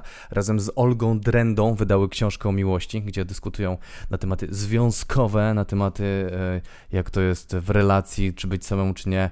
Ja nie wiem, ja już jestem w związku, więc ja się nie wpiję. Mam psa, nawet mam psa, który dzisiaj zakopał płucko posłaniu i waliło w całym mieszkaniu, więc e, mam inne problemy. Nieważne, mam nadzieję, że wszystko u Was dobrze i do zobaczenia za tydzień.